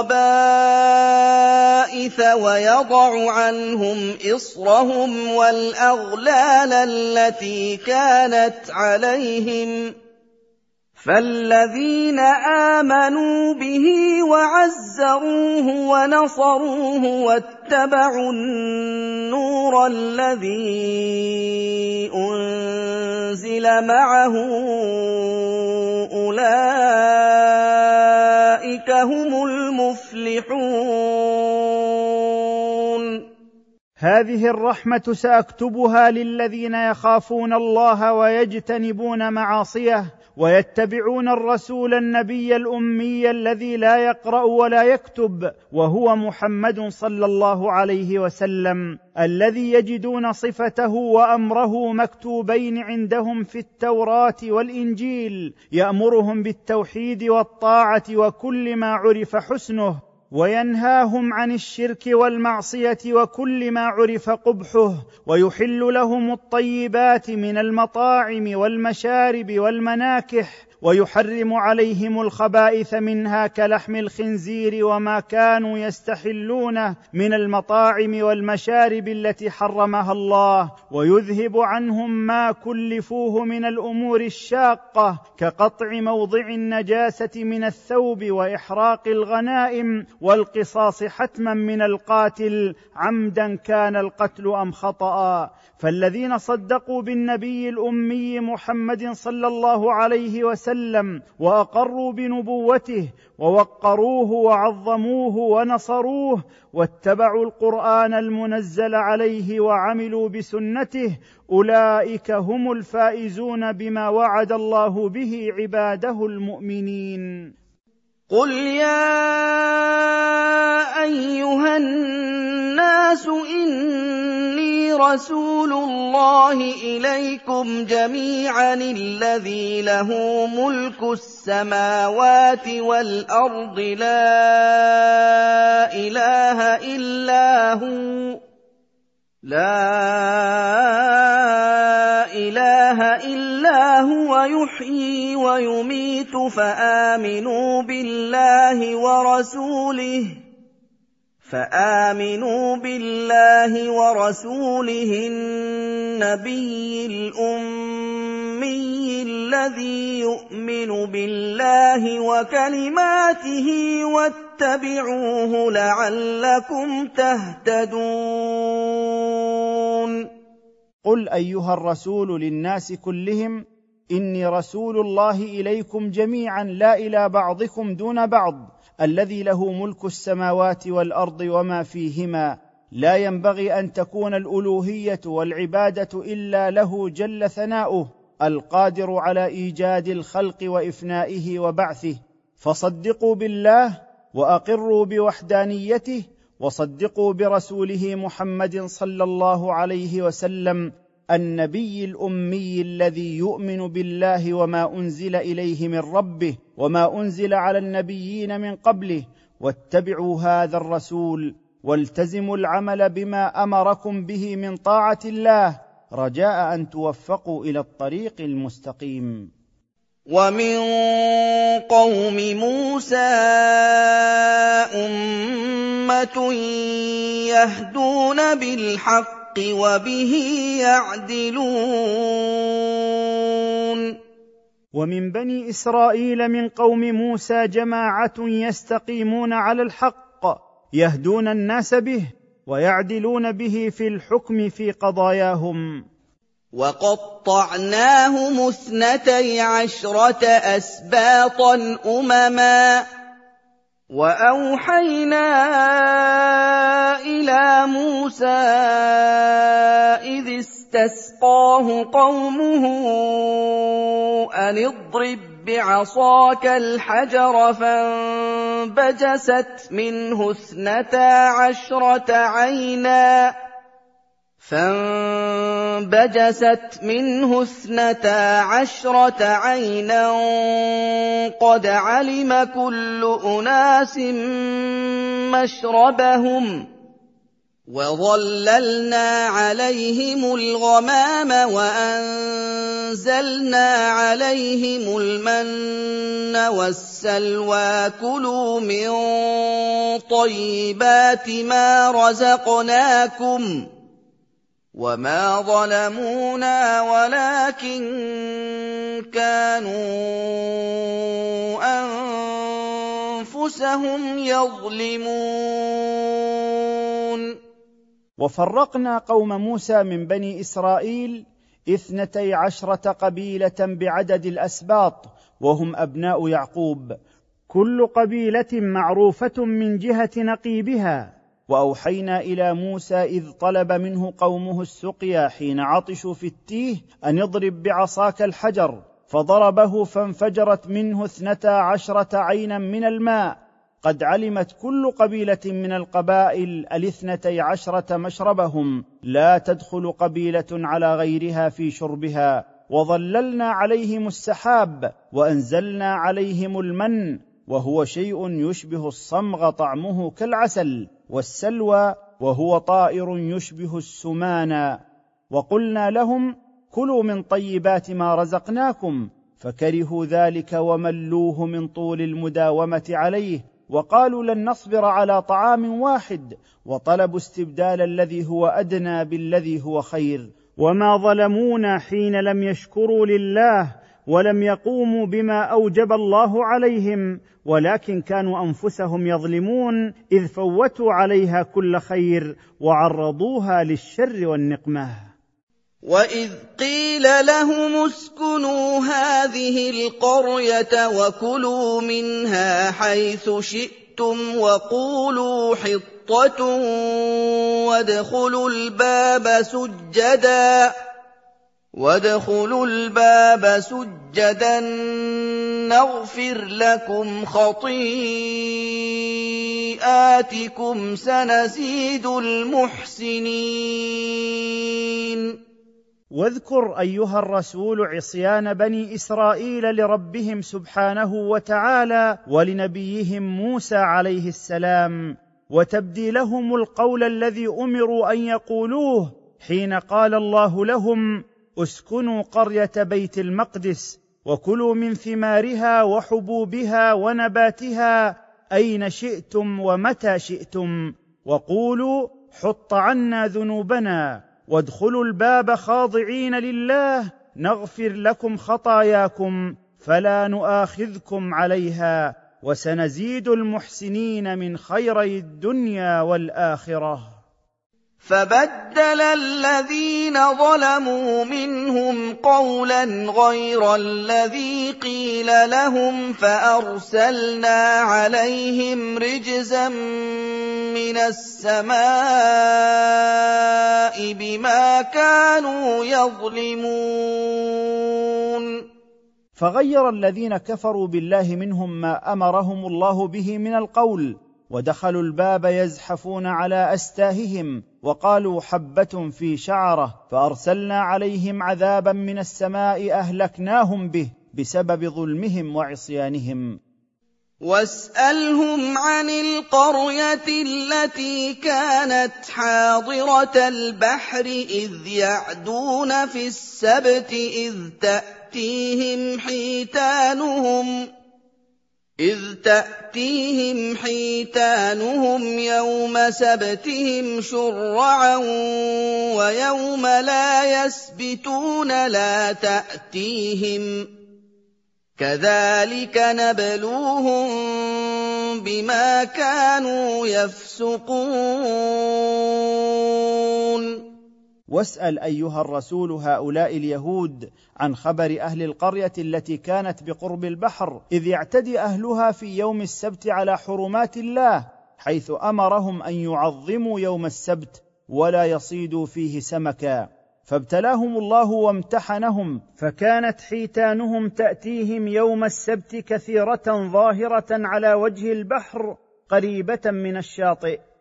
وإذا ذهب يوم السبت تذهب الحيتان في البحر ولا يرون منها شيئا فكانوا يحتالون على حبسها في يوم السبت في حفائر ويصطادونها بعده. وكما وصفنا لكم من الاختبار والابتلاء بإظهار السمك على ظهر الماء في اليوم المحرم عليهم صيده فيه وإخفائه عليهم في اليوم المحلل لهم فيه صيده كذلك نختبرهم بسبب فسقهم عن طاعة الله وخروجهم عنها.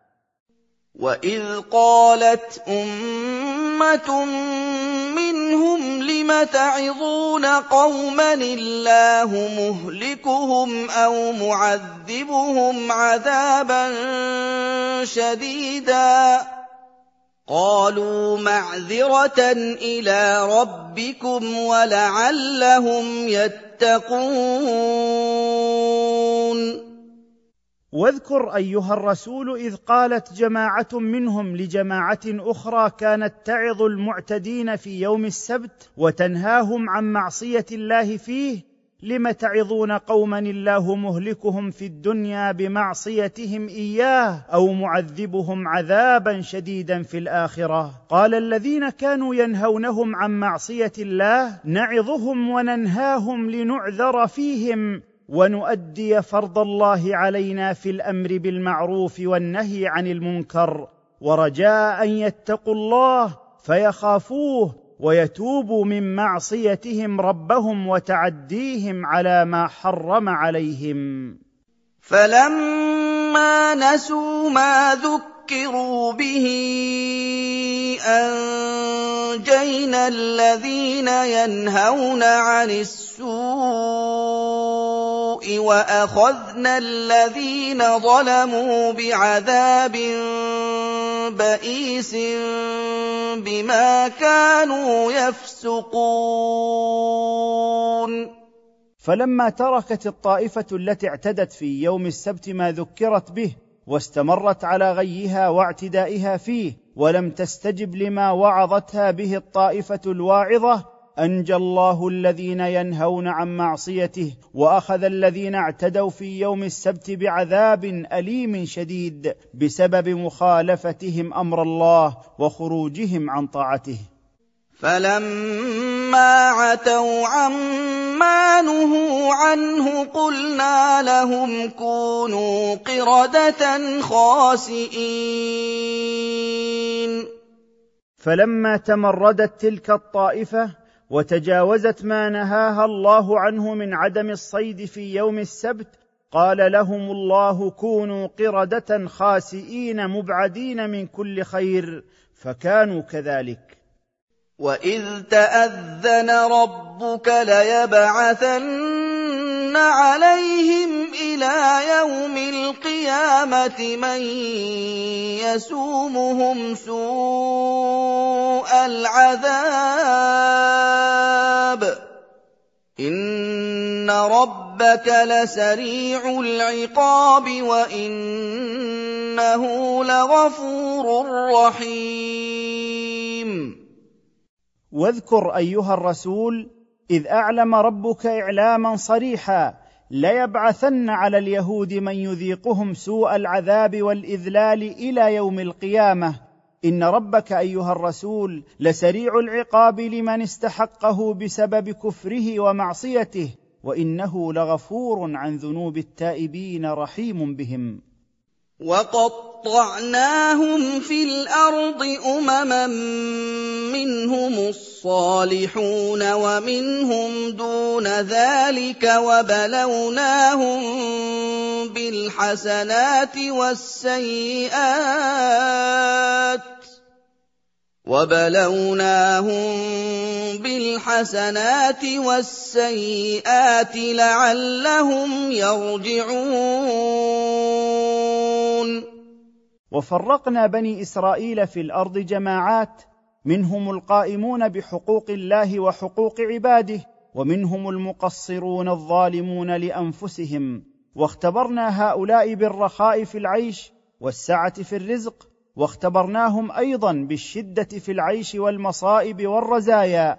رجاء أن يرجعوا إلى طاعة ربهم ويتوبوا من معاصيه. فخلف من بعدهم خلف ورثوا الكتاب يأخذون عرض هذا الأدنى ويقولون سيغفر لنا ويقولون سيغفر لنا وإن يأتهم عرض مثله يأخذوه. الم يؤخذ عليهم ميثاق الكتاب الا يقولوا على الله الا الحق ودرسوا ما فيه وَالدَّارُ الْآخِرَةُ خَيْرٌ لِّلَّذِينَ يَتَّقُونَ ۗ أَفَلَا تَعْقِلُونَ فجاء من بعد هؤلاء الذين وصفناهم بدل سوء أخذوا الكتاب من أسلافهم فقرأوه وعلموه وخالفوا حكمه يأخذون ما يعرض لهم من متاع الدنيا من دنيء المكاسب كالرشوة وغيرها وذلك لشدة حرصهم ونهمهم ويقولون مع ذلك إن الله سيغفر لنا ذنوبنا تمنيا على الله الأباطيل. وإن يأتي هؤلاء اليهود متاع زائل من أنواع الحرام يأخذوه ويستحلوه مصرين على ذنوبهم وتناولهم الحرام.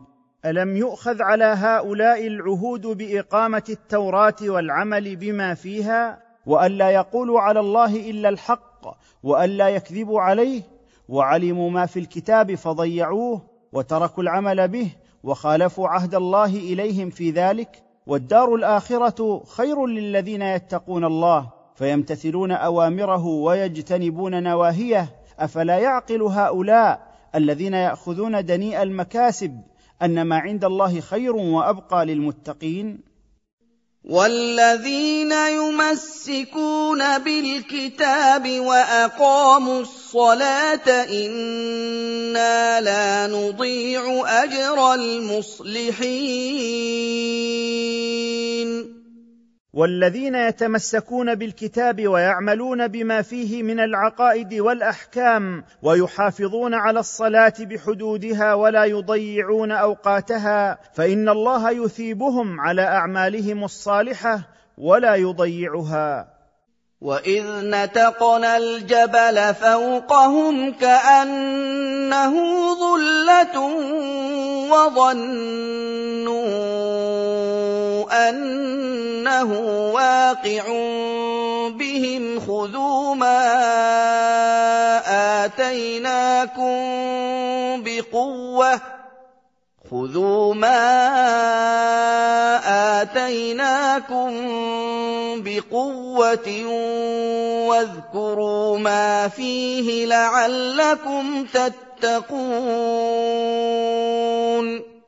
واذكر أيها الرسول إذ رفعنا الجبل فوق بني إسرائيل كأنه سحابة تظلهم وأيقنوا أنه واقع بهم إن لم يقبلوا أحكام التوراة. وقلنا لهم خذوا ما آتيناكم بقوة أي اعملوا بما أعطيناكم باجتهاد منكم واذكروا ما في كتابنا من العهود والمواثيق التي أخذناها عليكم بالعمل بما فيه كي تتقوا ربكم فتنجوا من عقابه.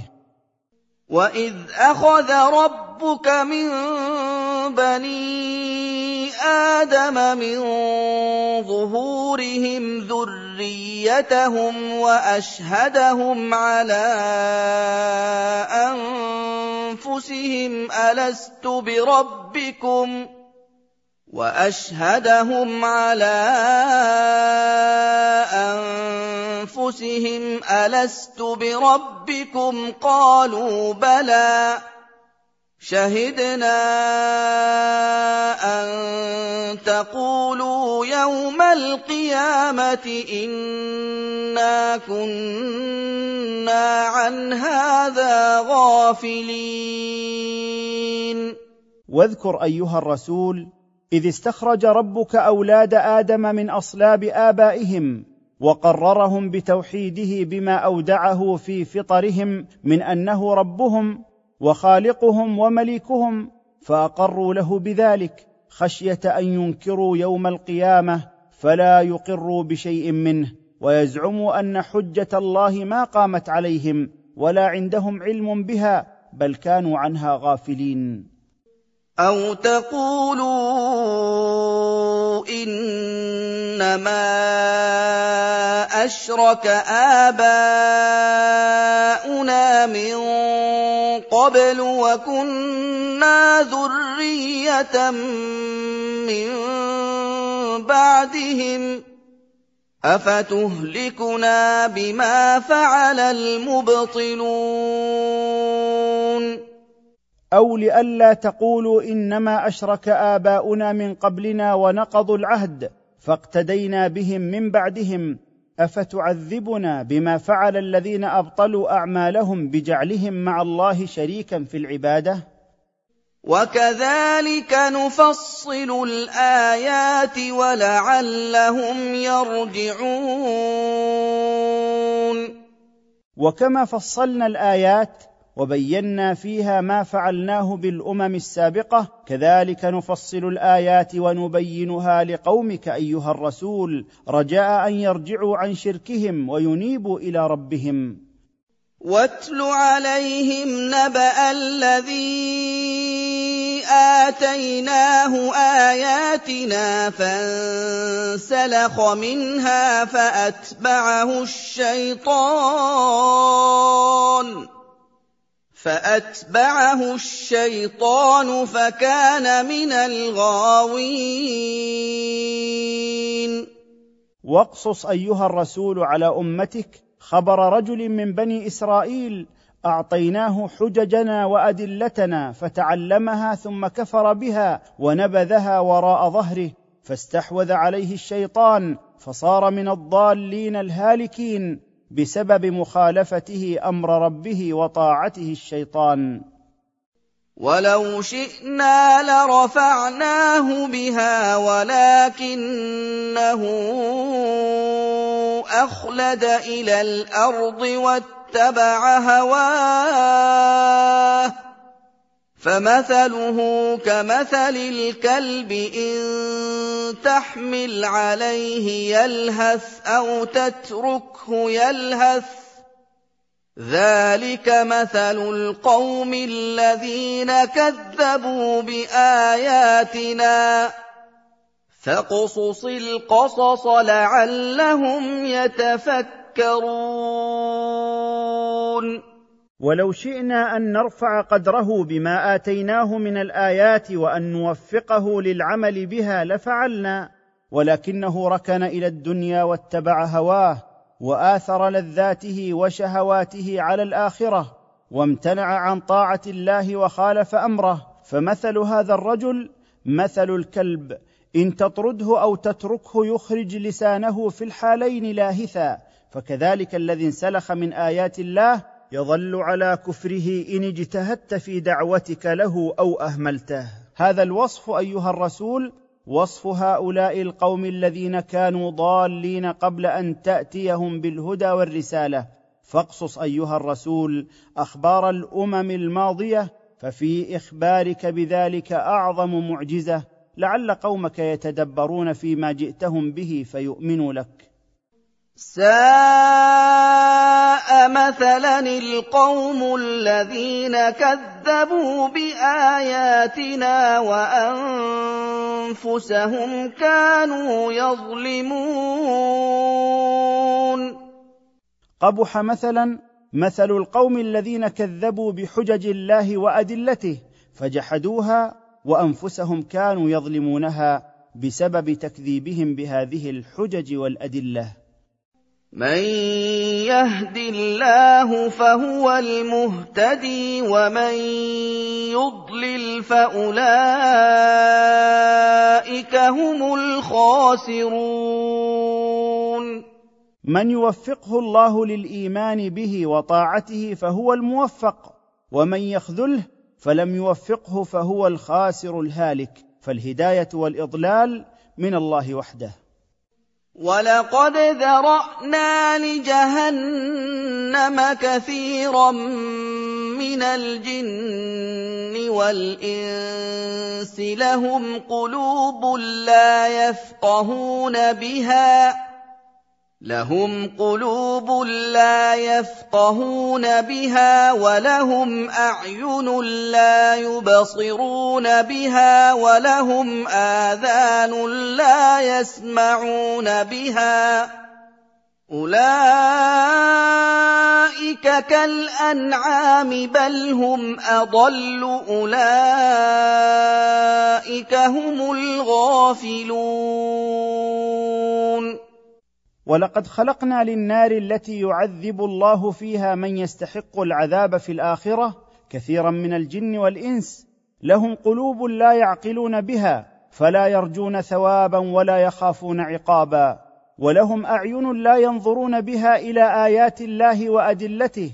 ولهم آذان لا يسمعون بها آيات كتاب الله فيتفكروا فيها. هؤلاء كالبهائم التي لا تفقه ما يقال لها. ولا تفهم ما تبصره ولا تعقل بقلوبها الخير والشر فتميز بينهما.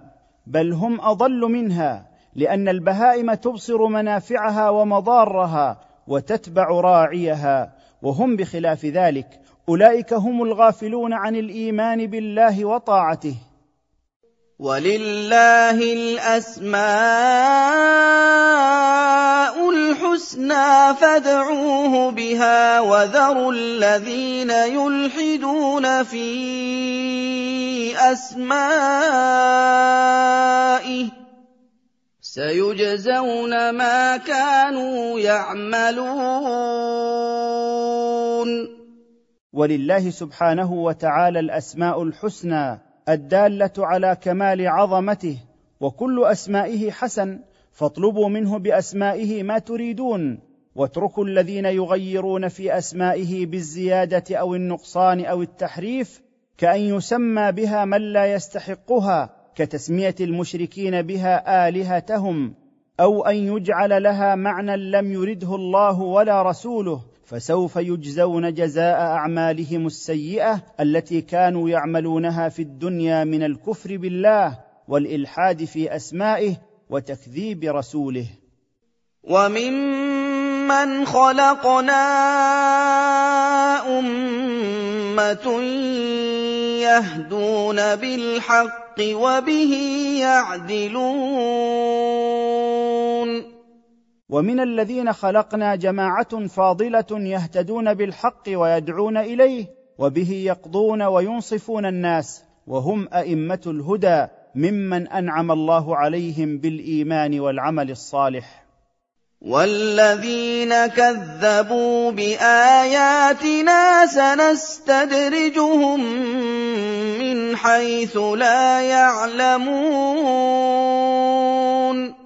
والذين كذبوا بآياتنا فجحدوها ولم يتذكروا بها سنفتح لهم أبواب الرزق ووجوه المعاش في الدنيا استدراجا لهم حتى يغتروا بما هم فيه ويعتقدوا أنهم على شيء ثم نعاقبهم على غرة من حيث لا يعلمون. وهذه عقوبة من الله على التكذيب بحجج الله وآياته. وأملي لهم إن كيدي متين. وأمهل هؤلاء الذين كذبوا بآياتنا حتى يظنوا أنهم لا يعاقبون. فيزدادوا كفرا وطغيانا وبذلك يتضاعف لهم العذاب. إن كيدي متين أي قوي شديد لا يدفع بقوة ولا بحيلة. اولم يتفكروا مَا بِصَاحِبِهِم مِّن جِنَّةٍ إِنْ هُوَ إِلَّا نَذِيرٌ مُّبِينٌ أولم يتفكر هؤلاء الذين كذبوا بآياتنا فيتدبروا بعقولهم ويعلموا أنه ليس بمحمد جنون؟ ما هو إلا نذير لهم من عقاب الله على كفرهم به إن لم يؤمنوا ناصح مبين. اولم ينظروا في ملكوت السماوات والارض وما خلق الله من شيء وان عسى ان يكون قد اقترب اجلهم وأن عسى أن يكون قد اقترب أجلهم فبأي حديث بعده يؤمنون؟ أولم ينظر هؤلاء المكذبون بآيات الله في ملك الله العظيم وسلطانه القاهر في السماوات والأرض وما خلق الله جل ثناؤه من شيء فيهما فيتدبروا ذلك ويعتبروا به وينظروا في اجالهم التي عسى ان تكون قربت فيهلكوا على كفرهم ويصيروا إلى عذاب الله واليم عقابه فباي تخويف وتحذير بعد تحذير القران يصدقون ويعملون من يضلل الله فلا هادي له ويذرهم في طغيانهم يعمهون من يضلله الله عن طريق الرشاد فلا هادي له ويتركهم في كفرهم يتحيرون ويترددون يسألونك عن الساعة أيان مرساها قل إنما علمها عند ربي لا يجليها لوقتها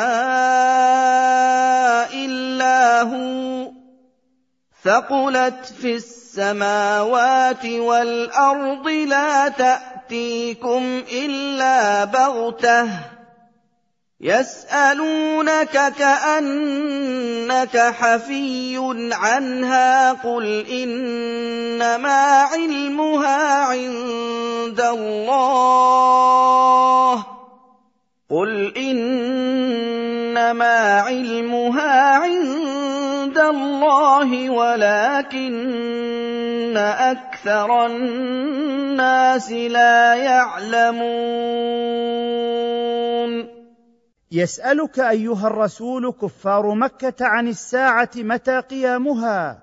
قل لهم علم قيامها عند الله لا يظهرها إلا هو ثقل علمها وخفي على أهل السماوات والأرض فلا يعلم وقت قيامها ملك مقرب ولا نبي مرسل.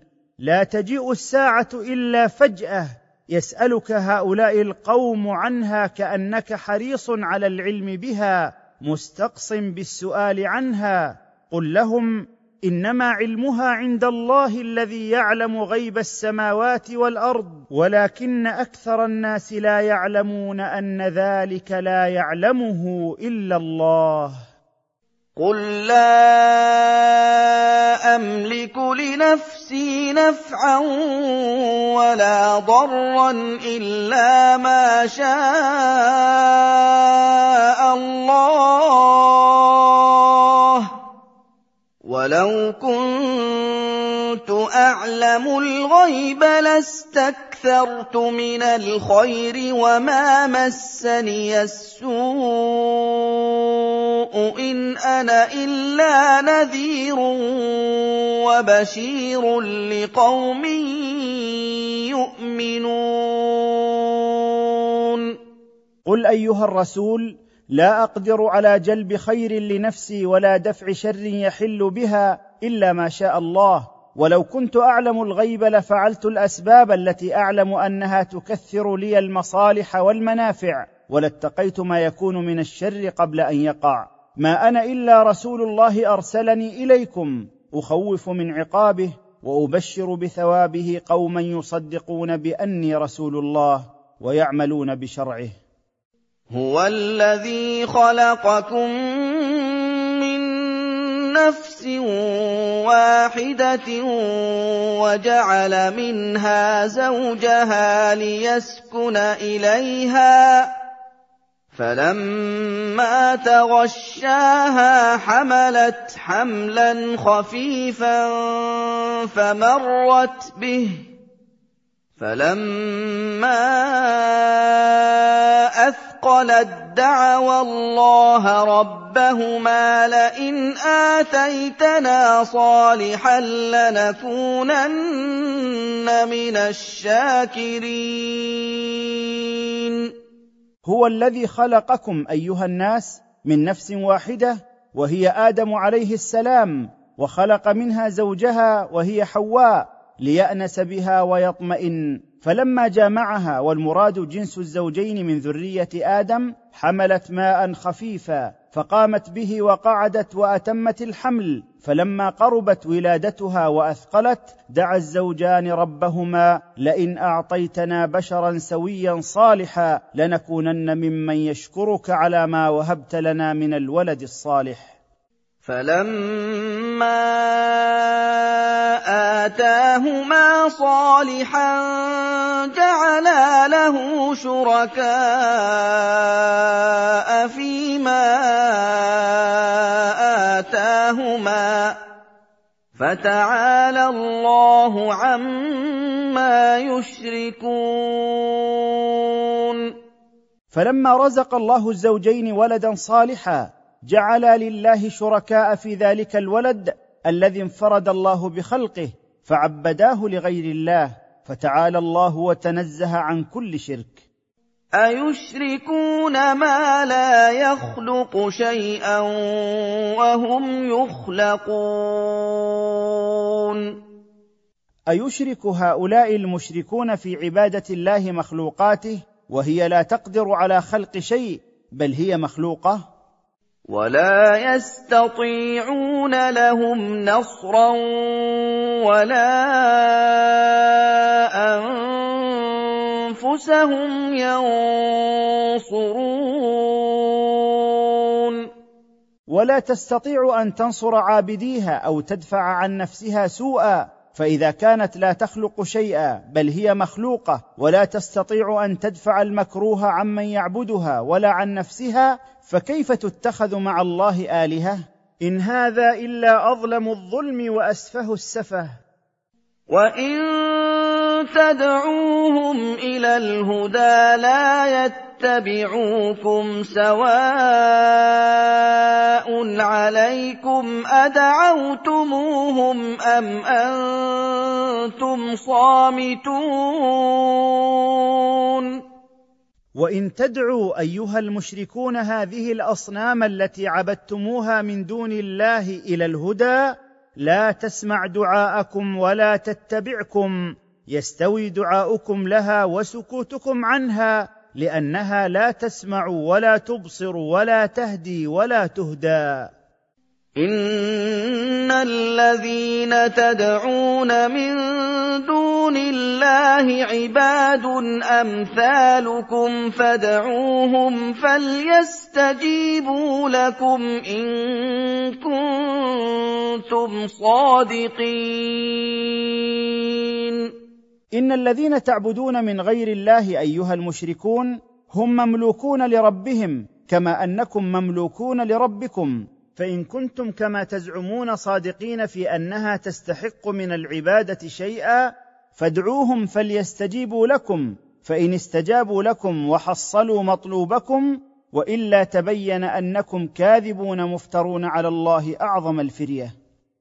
الهم ارجل يمشون بها أم لهم أَيْدٍ يَبْطِشُونَ بِهَا أَمْ لَهُمْ أَعْيُنٌ يُبْصِرُونَ بِهَا أَمْ لَهُمْ أَعْيُنٌ يُبْصِرُونَ بِهَا أَمْ لَهُمْ آذَانٌ يَسْمَعُونَ بِهَا قُلِ ادْعُوا شُرَكَاءَكُمْ ثُمَّ كِيدُونِ فَلَا تُنظِرُونِ ألهذه الآلهة والأصنام أرجل يسعون بها معكم في حوائجكم؟ أم لهم ايد يدفعون بها عنكم وينصرونكم على من يريد بكم شرا ومكروها؟ أم لهم أعين ينظرون بها فيعرفونكم ما عاينوا وأبصروا مما يغيب عنكم فلا ترونه؟ أم لهم آذان يسمعون بها فيخبرونكم بما لم تسمعوه؟ فإذا كانت آلهتكم التي تعبدونها ليس فيها شيء من هذه الآلات فما وجه عبادتكم إياها؟ وهي خالية من هذه الأشياء التي بها يتوصل إلى جلب النفع أو دفع الضر. قل أيها الرسول لهؤلاء المشركين من عبدة الأوثان ادعوا آلهتكم الذين جعلتموهم لله شركاء في العبادة ثم اجتمعوا على إيقاع السوء والمكروه بي. فلا تؤخروني وعجلوا بذلك فإني لا أبالي بآلهتكم لاعتمادي على حفظ الله وحده. إن وليي الله الذي نزل الكتاب وهو يتولى الصالحين. إن وليي الله الذي يتولى حفظي ونصري هو الذي نزل علي القرآن بالحق وهو يتولى الصالحين من عباده وينصرهم على أعدائهم ولا يخذلهم. والذين تدعون من دونه لا يستطيعون نصركم ولا أنفسهم ينصرون. والذين تدعون أنتم أيها المشركون من غير الله من الآلهة لا يستطيعون نصركم ولا يقدرون على نصرة أنفسهم. وان تدعوهم إلى الهدى لا يسمعوا وتراهم ينظرون اليك وهم لا يبصرون وإن تدعوا أيها المشركون آلهتكم إلى الاستقامة والسداد لا يسمعوا دعاءكم. وترى أيها الرسول آلهة هؤلاء المشركين من عبدة الأوثان يقابلونك كالناظر إليك وهم لا يبصرون لأنهم لا أبصار لهم ولا بصائر. خذ العفو وأمر بالعرف وأعرض عن الجاهلين. اقبل أيها النبي أنت وأمتك الفضل من أخلاق الناس وأعمالهم ولا تطلب منهم ما يشق عليهم حتى لا ينفروا وأمر بكل قول حسن وفعل جميل وأعرض عن منازعة السفهاء ومساواة الجهلة الأغبياء. واما ينزغنك من الشيطان نزغ فاستعذ بالله انه سميع عليم وإما يصيبنك أيها النبي من الشيطان غضب أو تحس منه بوسوسة وتثبيط عن الخير أو حث على الشر فالجأ إلى الله مستعيذا به إنه سميع لكل قول عليم بكل فعل. ان الذين اتقوا اذا مسهم طائف من الشيطان تذكروا اذا مسهم طائف من الشيطان تذكروا فاذا هم مبصرون ان الذين اتقوا الله من خلقه فخافوا عقابه باداء فرائضه واجتناب نواهيه اذا اصابهم عارض من وسوسه الشيطان تذكروا ما اوجب الله عليهم من طاعته والتوبه اليه فاذا هم منتهون عن معصيه الله على بصيره اخذون بامر الله عاصون للشيطان وإخوانهم يمدونهم في الغي ثم لا يقصرون. وإخوان الشياطين وهم الفجار من ضلال الإنس تمدهم الشياطين من الجن في الضلالة والغواية ولا تدخر شياطين الجن وسعا في مدهم شياطين الإنس في الغي. ولا تدخر شياطين الإنس وسعا في عمل ما توحي به شياطين الجن. وإذا لم تأتهم بآية قالوا لولا اجتبيتها قل إنما أتبع ما يوحى إلي من ربي هذا بصائر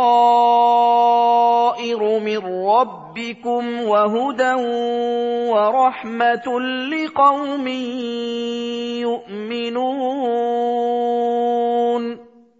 واذا لم تجئ ايها الرسول هؤلاء المشركين بايه داله على صدقك قالوا هلا احدثتها واختلقتها من عند نفسك؟ قل لهم ايها الرسول ان هذا ليس لي ولا يجوز لي فعله لأن الله إنما أمرني باتباع ما يوحى إلي من عنده. وهو هذا القرآن الذي أتلوه عليكم حججا وبراهين من ربكم وبيانا يهدي المؤمنين إلى الطريق المستقيم ورحمة يرحم الله بها عباده المؤمنين. واذا قرئ القران فاستمعوا له وانصتوا لعلكم ترحمون واذا قرئ القران فاستمعوا له ايها الناس وانصتوا لتعقلوه رجاء ان يرحمكم الله به واذكر ربك في نفسك تضرعا وخيفة ودون الجهر من القول بالغدو والآصال ودون الجهر من القول بالغدو والآصال ولا تكن من الغافلين واذكر أيها الرسول ربك في نفسك تخشعا وتواضعا لله خائفا وجل القلب منه. وادعه متوسطا بين الجهر والمخافته في أول النهار وآخره. ولا تكن من الذين يغفلون عن ذكر الله ويلهون عنه في سائر أوقاتهم. ان الذين عند ربك لا يستكبرون عن عبادته ويسبحونه وله يسجدون ان الذين عند ربك من الملائكه لا يستكبرون عن عباده الله بل ينقادون لاوامره ويسبحونه بالليل والنهار. وينزهونه عما لا يليق به وله وحده لا شريك له يسجدون.